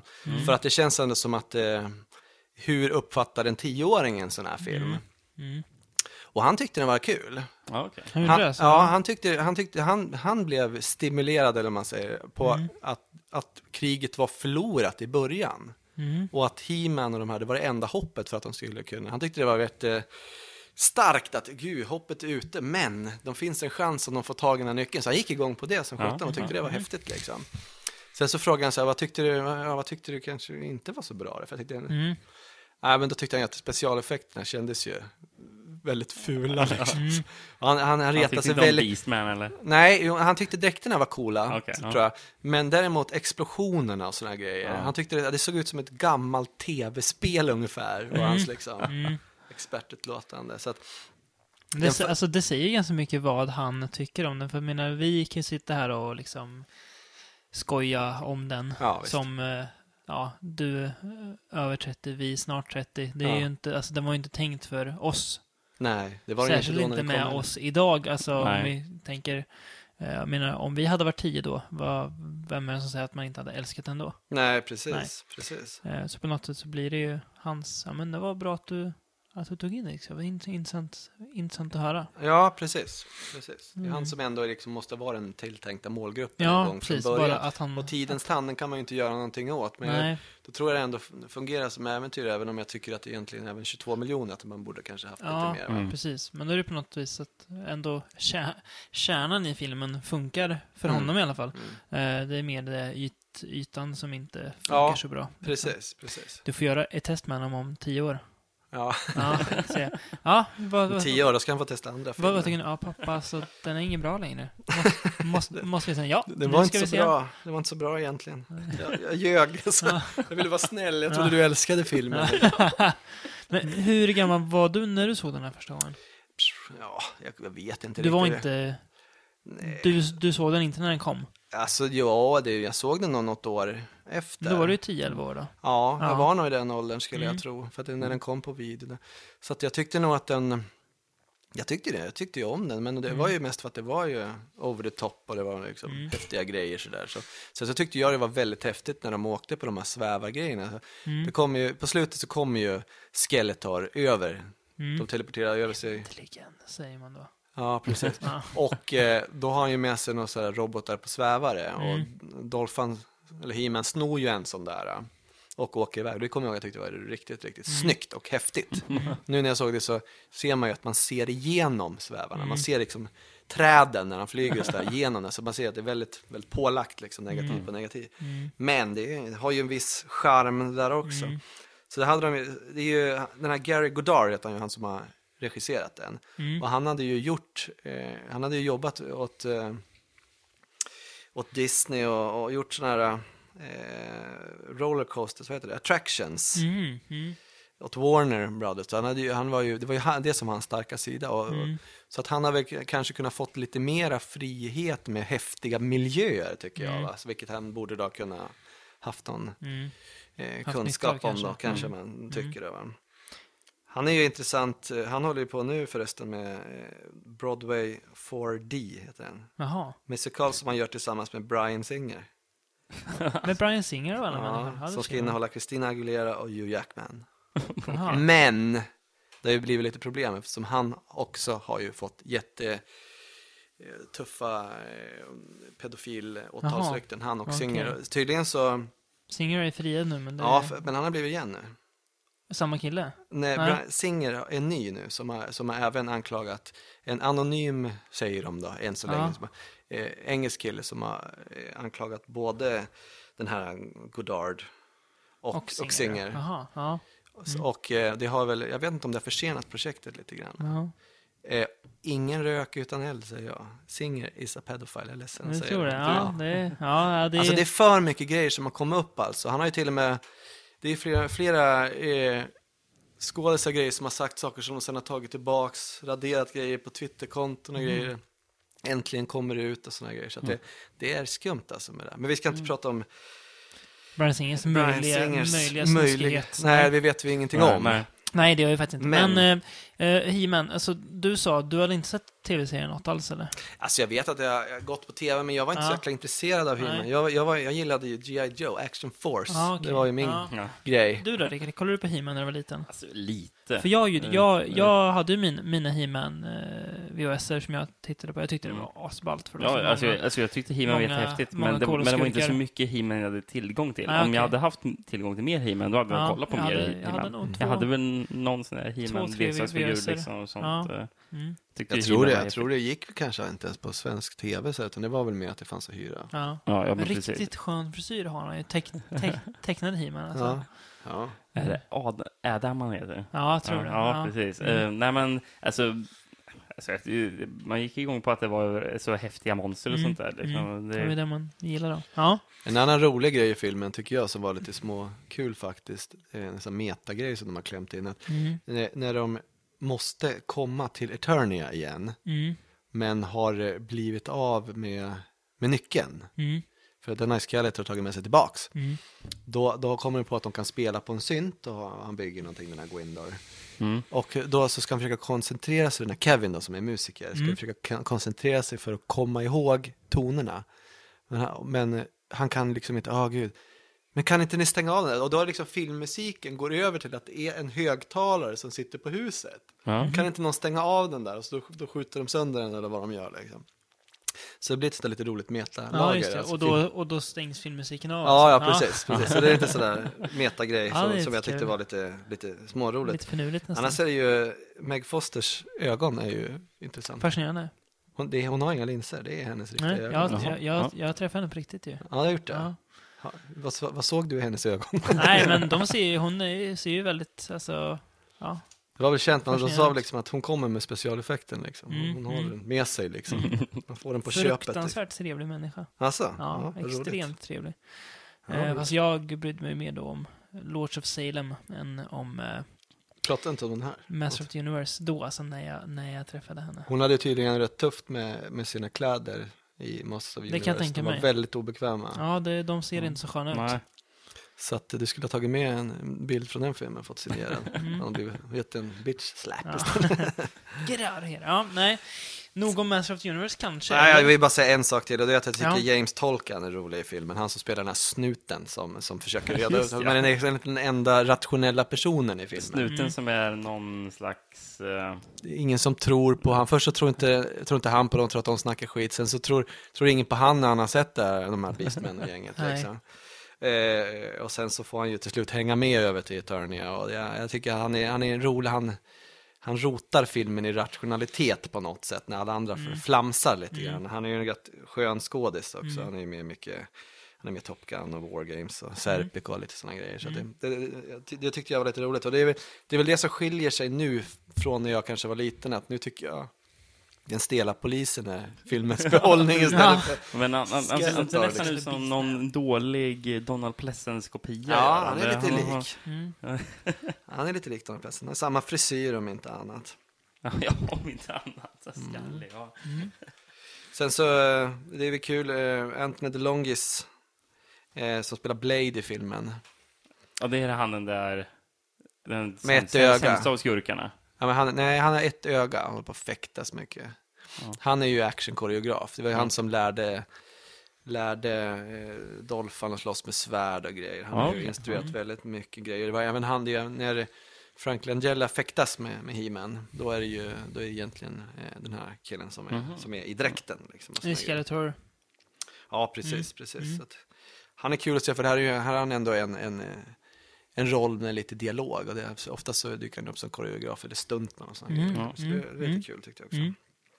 Nej, jag vet inte, jag vill inte säga mycket mer att säga om Masters of the Universe. Det är en Nej. stor kalkon som ändå liksom är rätt Mm. Lite, rolig att lite se. sorgligt på något vis att det blev en sån kalkon. Det känns lite så här, vad trist att inte den gick Ja. bra. Ja, men det är ju Ja. På ett sätt. Alltså, det Det hade lite ju så varit Canons räddning om den hade Ja, gått verkligen. bra. Ja. De man, kan, ju, ju- man, kan känna, man kan känna ett litet sting av hopp. Det var ju trist att inte den gick bra. ja. Men när man ser den så förstår man ju att det är klart att inte den här spelar in 22 miljoner dollar liksom. Nej. Jag tror att den gick väldigt bra första helgen tills folk insåg att det här, det här inte var Mm. vad de hade förväntat Nej. sig. Nej. Liksom? Det här är ju inte He-Man. Nej, det här är inte He-Man, inte He-Man de, annat, de ja. ville se. Men de hade ju redan på, på gång och skulle göra eh, Masters of the Universe 2. Mm, jag, tror. Albert, jag tror Al, eh, Pune skulle göra den. Albert Pune skulle göra Mm. den tillsammans som han skulle spela in en Spindelmannen-film. Skulle back to Albert back. Pion göra en Spindelmannen-film? Och det hade man ju velat sett. Ja, det hade man ju verkligen velat sett. Grejen var väl att det, det, det tog de inte upp i den här dokumentären. Jag vet inte om det är Nej. för att det är rykten eller inte. Men eh, när de köpte rättigheterna till Spiderman av Marvel, då trodde de ju att det, det, handlade, att det var en monsterfilm. Ungefär som Wolfman. Att det var en kille som hade blivit biten av en spindel och blev ett, en spindelmonster på natten. Mm. Så de hade till och med börjat göra set designs och grejer för den filmen tills de, någon kom och förklarade för dem att Mm. "Hörrni, det, det, Jag är förstår inte hur man kunde undvika liksom. De hade väl inte Spindelmannen i Israel, tidningarna liksom. Det inte vet jag. Nej, Tydligen så- drog den totalt in, den drog ändå in till slut 17, 17, ja. 17 miljoner. Ja. Men det är fortfarande 5 miljoner back liksom. Ja. Det är ju, alltså det är ju total flopp får man ju säga. Särskilt idag när, när det är ju det är ganska kul ändå att jämföra liksom där att ah, okej, den floppade in 70 miljoner. Ja. Men idag så är det så här att det har blivit så extremt så att om en film inte drar in en miljard dollar Ja, ja, visst. så ja, den gick väl okej. Ja. Typ. Ja, ja, precis. Ja, precis. det är lite måste kul att, att liksom riktigt, jämföra. Tänk Canon idag. Vilka, Ja. vilka brakförluster de hade kunnat göra om de hade riktigt. Hade fått fortsätta. ja, göra Skjuta, skjuta från höften Ja, liksom. precis. Det är härligt. Mm. Nej, men det, det är ganska passande att gå över faktiskt till, eh, till Cyborg från Mm. 89, också regisserad av Albert Pune. För Mm. att den... eh, Det, istället, det blev ingen Masters of the Universe 2. Nej. Istället fick de ta de pengar de, de hade kvar och eh, trycka in det i en, i en produktion då, som de kallade för Cyborg. Mm. Som Albert Pune också har skrivit. Men eh, det var väl meningen egentligen från början att eh, Chuck Norris var väl påtänkt för rollen. Men då hade, Jaså? för, ja, men Kickboxer hade ju inte, alltså, eh, eller Kickboxer säger jag. Eh, Bloodsport hade ju, Van Dams hade de ju producerat, men den hade inte kommit. Så Van Damme var ju ett helt okänt namn. Mm. Men de, eh, Gick de Bloodsport bra förresten? För... det måste den ha gjort, den är ju Ja. skitcool. Jag vet inte Ja, faktiskt, jo, men ja, jag, tror, ja, jag tror nog att jag alla, älskar Bloodsport, men det, ja, frågan Jag tror gick nog den att- bra? alla Van Damme-filmerna gick rätt bra, de Ja. Mm. första. Kickboxer och, och även Cyborg gick ju rätt bra faktiskt. Mm. Den, den, man säger ju att den hade en, en budget på en halv miljon, säger man Mhm. på. Och det är ju, det, är ju, det, det är ju låter som väldigt lite pengar och det har ju egentligen med att göra att, det, att det, det blir lite felaktiga siffror eftersom de redan hade gjort massor med design till Masters of the Universe 2 Mm. som de istället då använde till Cyborg. Så att Mm. till exempel eh, när ringbrynjan som, eh, som eh, skurken i filmen, Mm.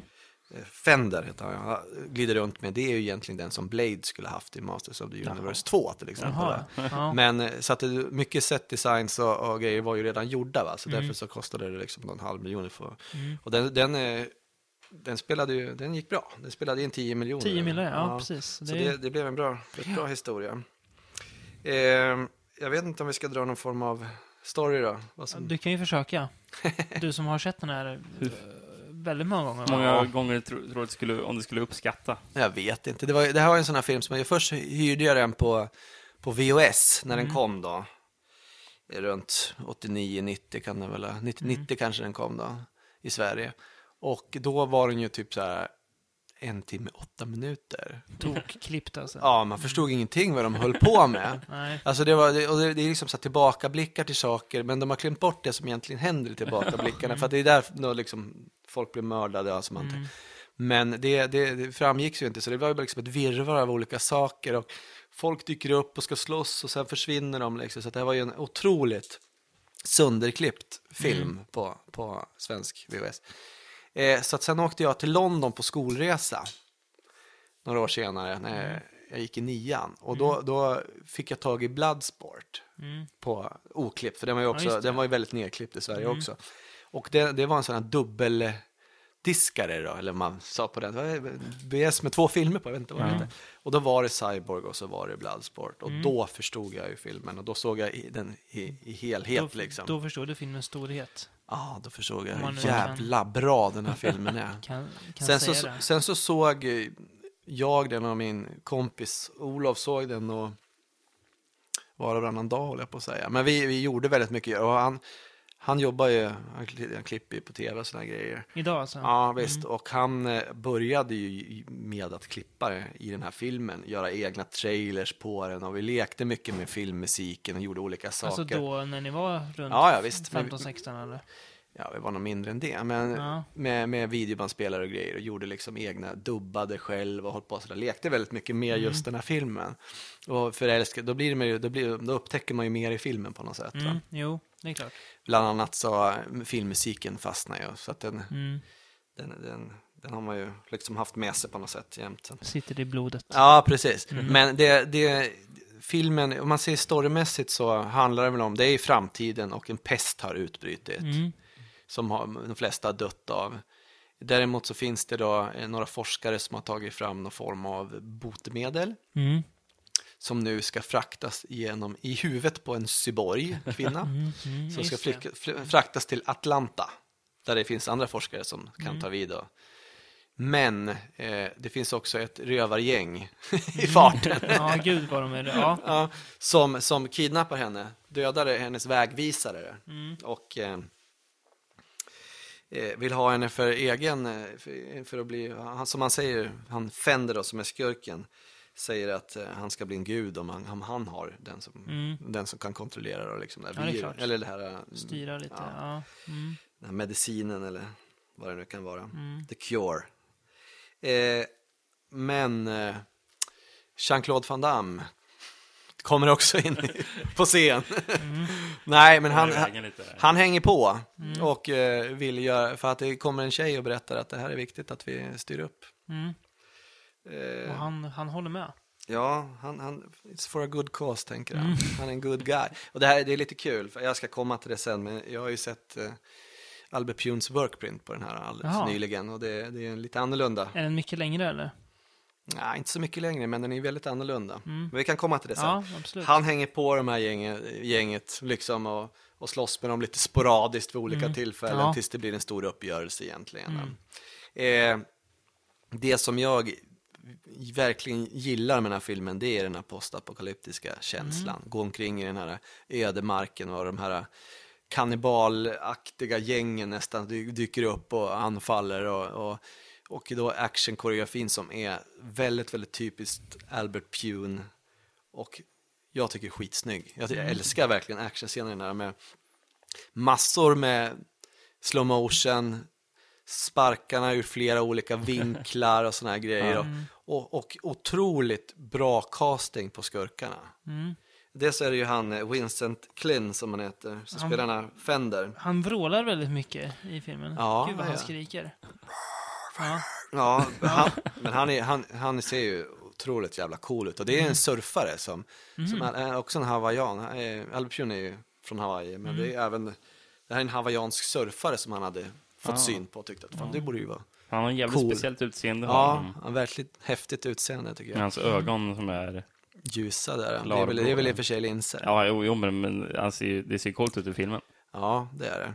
Och eh, om vi går över lite grann på den här workprinten så var den ju ganska annorlunda, Albert Punes version. Han, var ju, han hade skrivit den till att börja med att det skulle vara en, en svartvit dialogfri film, lite som en opera, hade han beskrivit den. Jaha. Det tyckte de ju var en dålig idé. Albert Pune hade alltså så pass höga konstnärliga Han har ju ambitioner studerat under. Kurosawa. Han har ju varit student av Kurosawa, yes. Visste du det här Rickard? Nej, jag hade ingen aning. Albert är- Pune Albert alltså. Pune av alla människor alltså. Ja, ja, absolut. Absolut. Ja, så- gud. så- Han är, han är ju en sci-fi inget- action-autör. Inget ont om Albert Pune för den delen, men det, ja okej. Jo då, jo då. han har haft stora ambitioner en gång i tiden. Ja, ja. Nej, han är, han är, Ja. alltså killen är en klippa på att göra mycket för väldigt lite pengar. Ja, det kan kan man inte säga någonting om. mm. Och han har också en speciell sci-fi action-känsla. En speciell version som jag tycker är genomgående i hans filmer. tycker- Pune som är mästaren på att, att klippa ihop saker av ingenting också? Ja, Ja. precis. Att liksom mishmasha ihop filmer Ja, till, att bli, till att bli någon film. Han, är, han är en duktig bildkonstnär och han Mm. vet hur man, hur man skapar mycket av lite kan man väl säga Mm. i alla fall. Mm. Det ska vi inte måla som någon form av Mm. övermänniska. Men han, han hade i alla fall tänkt att det här skulle bli en svartvit. Jaha. Mm. Det sa de ju nej till. Men, men det roliga är att hans workprint, som då är lite annorlunda, Mm. innehåller väldigt mycket mer dialog. Så att det, det, det de gjorde sen, det var ju att tog bort väldigt mycket dialog. Mm. Så den liknar mer, för att nu, är- om ni, jag vet inte om ni tänker på det, det sägs inte speciellt mycket Nej. i Cyborg. Det är Nej. väldigt tyst och det är väldigt mycket, egentligen är det filmmusiken som får tala och liksom får bli känslorna. Istället, för, istället för att folk pratar. Och ord, ja. i, I den här original, eller då workprinten då, han blev ju fråntagen den helt enkelt och de Mm. klippte om den. Han tyckte väl inte det var speciellt kul. Va? Men det som är väldigt tydligt där, det är ju de här, äh, det här rövargänget, the pirates, de är, ju- de är satanister. Och gör massa satanistiska grejer och skriker massa grejer, for the devil hit och dit och det är satan och sådana grejer. Det, har- det har de liksom tonat ner helt. Ja, liksom. ja. Men det gör ju också att till exempel scenen när de tar fast Jean-Claude Van Damme och spikar upp honom på ett kors. Mm. Det blir ju liksom en helt annan grej då eftersom Ja. de är satanister och, såna, och den biten. Va? Men den här Warpinten hade du inte sett förrän nyligen? Alltså. Nej, jag köpte den. Den finns, ju- finns utgiven i Tyskland. Den heter ju Slinger, heter den, som också Ja. Albert Pujols film skulle hetat egentligen. Okej. Slinger. De är, På och, Blu-ray? Nej.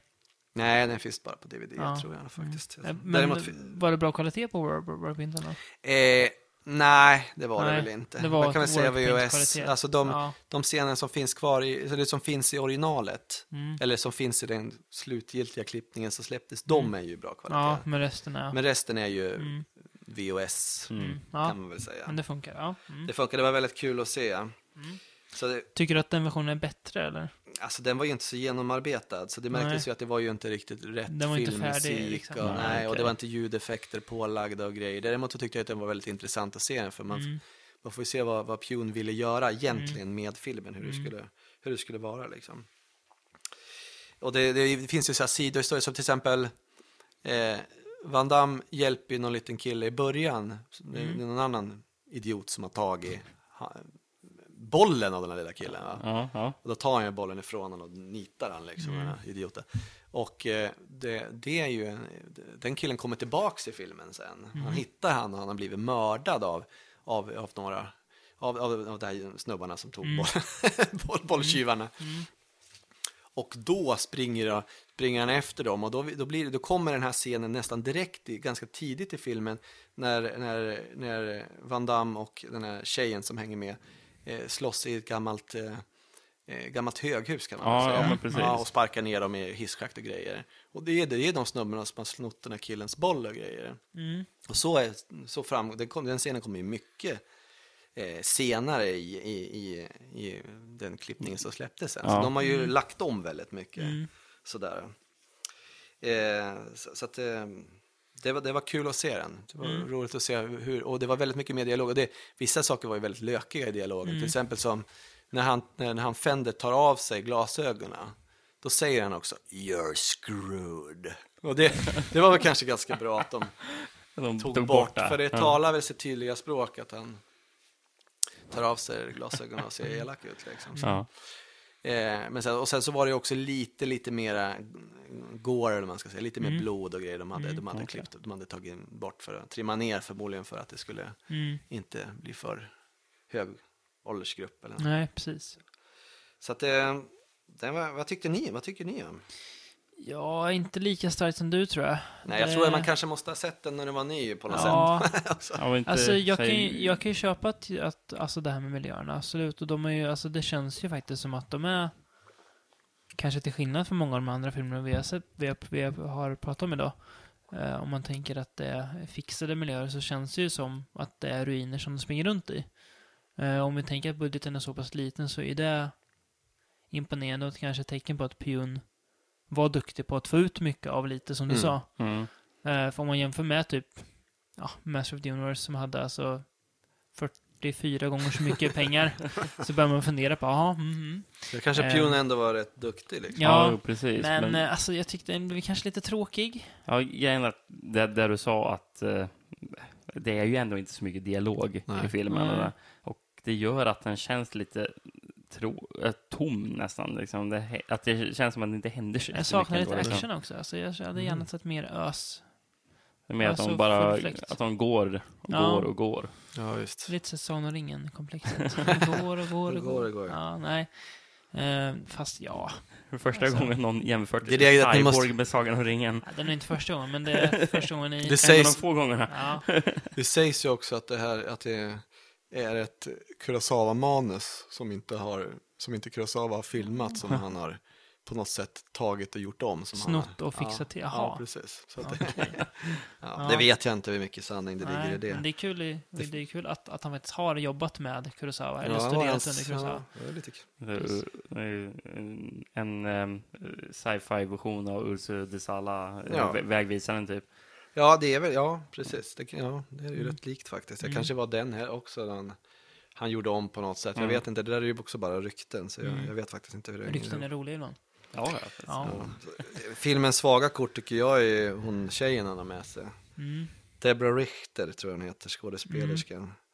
Och hon är ju riktigt dålig och gör ju ingen nytta i filmen heller. Blir Nej. bara nedslagen och han måste liksom bära runt på henne. Och hon försöker på något patetiskt tillfälle och, och flörta med henne och ta fram ena bröstet och han bara nej, nej jag tror inte det. Mm. Liksom. Han, han, han är lika ointresserad som vi är som kollar på filmen av den där Mm. människan. Liksom. Mm. Mm. Och det kommer ju också fram i den här workprinten att hon har ju egentligen en större funktion. Hon är ju det är hon som förklarar för han varför det här är viktigt och liksom då på ett annat sätt, inte bara att hon hänger på liksom. Som Mm. det. Eh, Och hon eh, heter Neily Simmons i filmen. Alla heter ju gitarrnamn. Ja, Neil Simmons, ja. Mm. Fender Tromolo heter ju. och eh, Jean-Claude Van Dammes karaktär heter ju också något sånt där. Eh, fan han heter för någonting, jag kommer inte ihåg riktigt. Nej, jag Ja, sak samma. Mm. Gitarrnamn alltså, ja. Ja, alla heter nog gitarr. Ja. Så det är coolt. Ja. Det här var i alla fall den sista officiella releasen för, för Canon Group. ja. Men det var det. Mm. Och sen tog det slut alltså. Sen tog det slut och de bröts upp i, i annat, Ja. så att säga. Ja. Jo, Gibson Rickenbacker heter, Gibson. heter Jean-Claude Van Dammes karaktär. Bra namn alltså. Ja. Ja, precis. Ja, vad kan, man, vad kan man säga då om, om sagan Canon? Om man nu kan kalla det för en saga. Ja. Det kan man väl göra? Ja, det kan man väl Det göra. känns lite som så här pojk... Alltså, när man tittar... Jag tror ju längre tiden går, ju, ju roligare kommer det bli liksom, Mm. att reflektera över, över eh, de här Mavericksen liksom. Ja. Det känns, alltså det känns, man får lite så här... Om man själv hade haft massa pengar, då hade man ungefär gjort det här kanske. Alltså typ, ja men Manchester United, ja för fan, ta de här pengarna. Ja, Ja. det gick åt helvete, aj då. ja, men det, alltså, det känns lite så, Ja. det, fin, det finns en sån här pojkdröms... Tänk, alltså lite aura. Om, Mm, om ja, vi tittar visst. på de här, på urvalet som vi har pratat om idag. Att man inte tänkte, alltså, vilket man säkert gjorde då, men det känns inte allt som att allt var så genomtänkt och Nej. planerat och finansierat, utan att man, man körde lite som man ville. Man Liksom. Ja, gick på jo. känsla och Ja. det man trodde var Man populärkultur sköt för från tillfället. höften, som du sa. Ja. Mm. Och det var väl, de hade väl, de försökte väl, och det var väl det kanske var problemet, att de hade inte så bra tempo populärkultur som de Nej, kanske som de trodde. trodde och Nej. hade Nej. behövt för att det hade funkat, Nej, men precis, det också. Ut, det är svårt det där. Det är, antagligen lyckas man väldigt väl, eller så går det åt pipan som här. Det var väl synd att de inte höll sig på mattan, de fortsatte göra Mm. liksom rätt actionfilmer för 5-10 miljoner. Mm. Och eh, som, liksom, där det var säkra pengar på banken och Mm. inte försökte göra de här Oscars filmerna som den här Sahara eller vad den Ja, heter. just det. Sahara. Och, ja, och, och att istället försökte göra det de förstod och det de kunde och där, det, Mm. där det funkade. Liksom. Mm. Gå inte från ett vinnande liksom, koncept, en vinnande formel. Det är Nej. dumt. Hybris. Svårt att... Sen så var det, de hade väl de här, de hade väl en massa junk bonds, pengarna uppe i jävligt dåliga liksom, investeringar. Och, Ja. och det, det, det hjälpte väl inte saken, annars hade de kanske kunnat överleva. Mm. Cyborg spelade ju ändå in 10 miljoner. Mm. De åkte ju på någon jävla stämning också, för Jean-Claude Van Damme råkade ju sabba ögat på, på en snubbe. Mhm. Under, Under, under inspelningen, ja. Precis. En kille som heter Jackson Rock Pinkney, en, svart snubbe, som är någon sån här stor fotbollsspelare eller något sånt där var han väl Mm. innan, som är med. Och eh, han råkar väl i någon fight skära ögat på han på något sätt. Mm, att så han han blev blind Ja, och på det blev ju drag, de fick ju, det blev ju rättegång och de Mm. förlorade då. Eller. Mm. Men det lär ju kostat några, några miljoner. Det blev nog lite skadestånd på Mm. det där liksom. Så att det, Så det blev, pengarna gick i vinst, kanske försvann. då gick det till, till han istället. Mm. som hade oturen att få ögat. Jag vet inte, utskott. eh, Golan är, ju- han dog för i, i höstas, i augusti. Mm.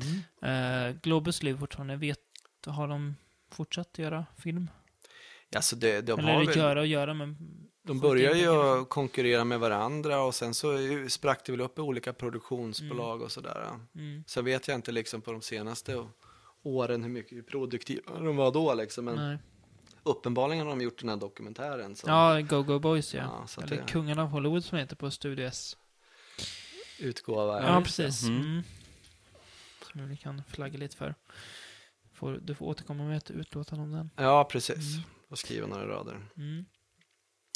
Vi har väl, även om kanske sagan om Canon tog slut i och med Cyborg så har vi tänkt att våran eh, kärlek, fascination och diskussion kring Canon inte är slut. Den kanske är slut för nu, men Det inte, finns ju inte, mycket- inte för Det alltid. finns Ja, ju mycket som, Men- som du sa, året vad var det 84, 43 filmer och, Ja. och någonting. 86. Ja, så- ja. 43 rullar Så liksom. det finns ju lite Du att sa ju det att, ja precis, men eftersom vi gillar teman här då på From Beyond så tänkte vi att vi ska ta och prata om de där svartklädda filurerna med svärd som kallas för ninjor då. Precis. Eh, så vi ska prata Canons ninja-filmer. Vad var det så? Åtta stycken kanske det var? Ja, det är väl det jag får till. Jag Ungefär, märker ja. Ninja är det ja, ju just då. det. Fem stycken. Fyra. Fem stycken Ja. sådana och sen så Enter the Ninja. Eller Ninja, vad man nu vill kalla den Enter för. the Ninja, Revenge of the Ninja och Ninja 3 Domination. Ja. Vilket är gräddan av alla ninjafilmer. ja, precis. Ja. ja, men då har vi en sånt. massa fram, massa ninja. Vi kommer vara ninja-experter. Så Alltså. det är ju någonting som vi kommer återkomma till. Ja. Dudikoff blir det då. Och det är också... Det Franco Nero. Det är därför ni ska fortsätta lyssna på From Beyonds podcast. För att vilken annan podcast kan liksom se fram emot, emot ett avsnitt med där ni får ha flera timmar ninjor? Det Precis. finns inte. Det, Det är det Ska- nya, det är det nya svarta. ja, oh, ja. Nej, men vi, vi knyter väl ihop säcken för den här Den gången. här gången, ja. Ja. Tack för att jag Och fick vara med. jag ser till att du ska vara med igen. Ja, Det är- givetvis. Nästa gång är det inget val. Okej. Pistolhot om det krävs. Oj, oj, oj. Ja, Oj. du hör ju själv. Men du Två, van. två k-pister som Ja, Som... Chuck Norris. precis. Mm, ja, men jag kommer. Eller en, eh, en Magnum Wildy. Ja. Beroende på vilket som passar ögonblicket. Ja. Ja, Mm. nej, men vi tackar för den här gången och knyter upp säcken där och jag hoppas att vi har gett dig lite inspiration till att följa den här, eller till att titta närmare på den här sagan som Canon Group var. Ja. Tack så mycket. Tack.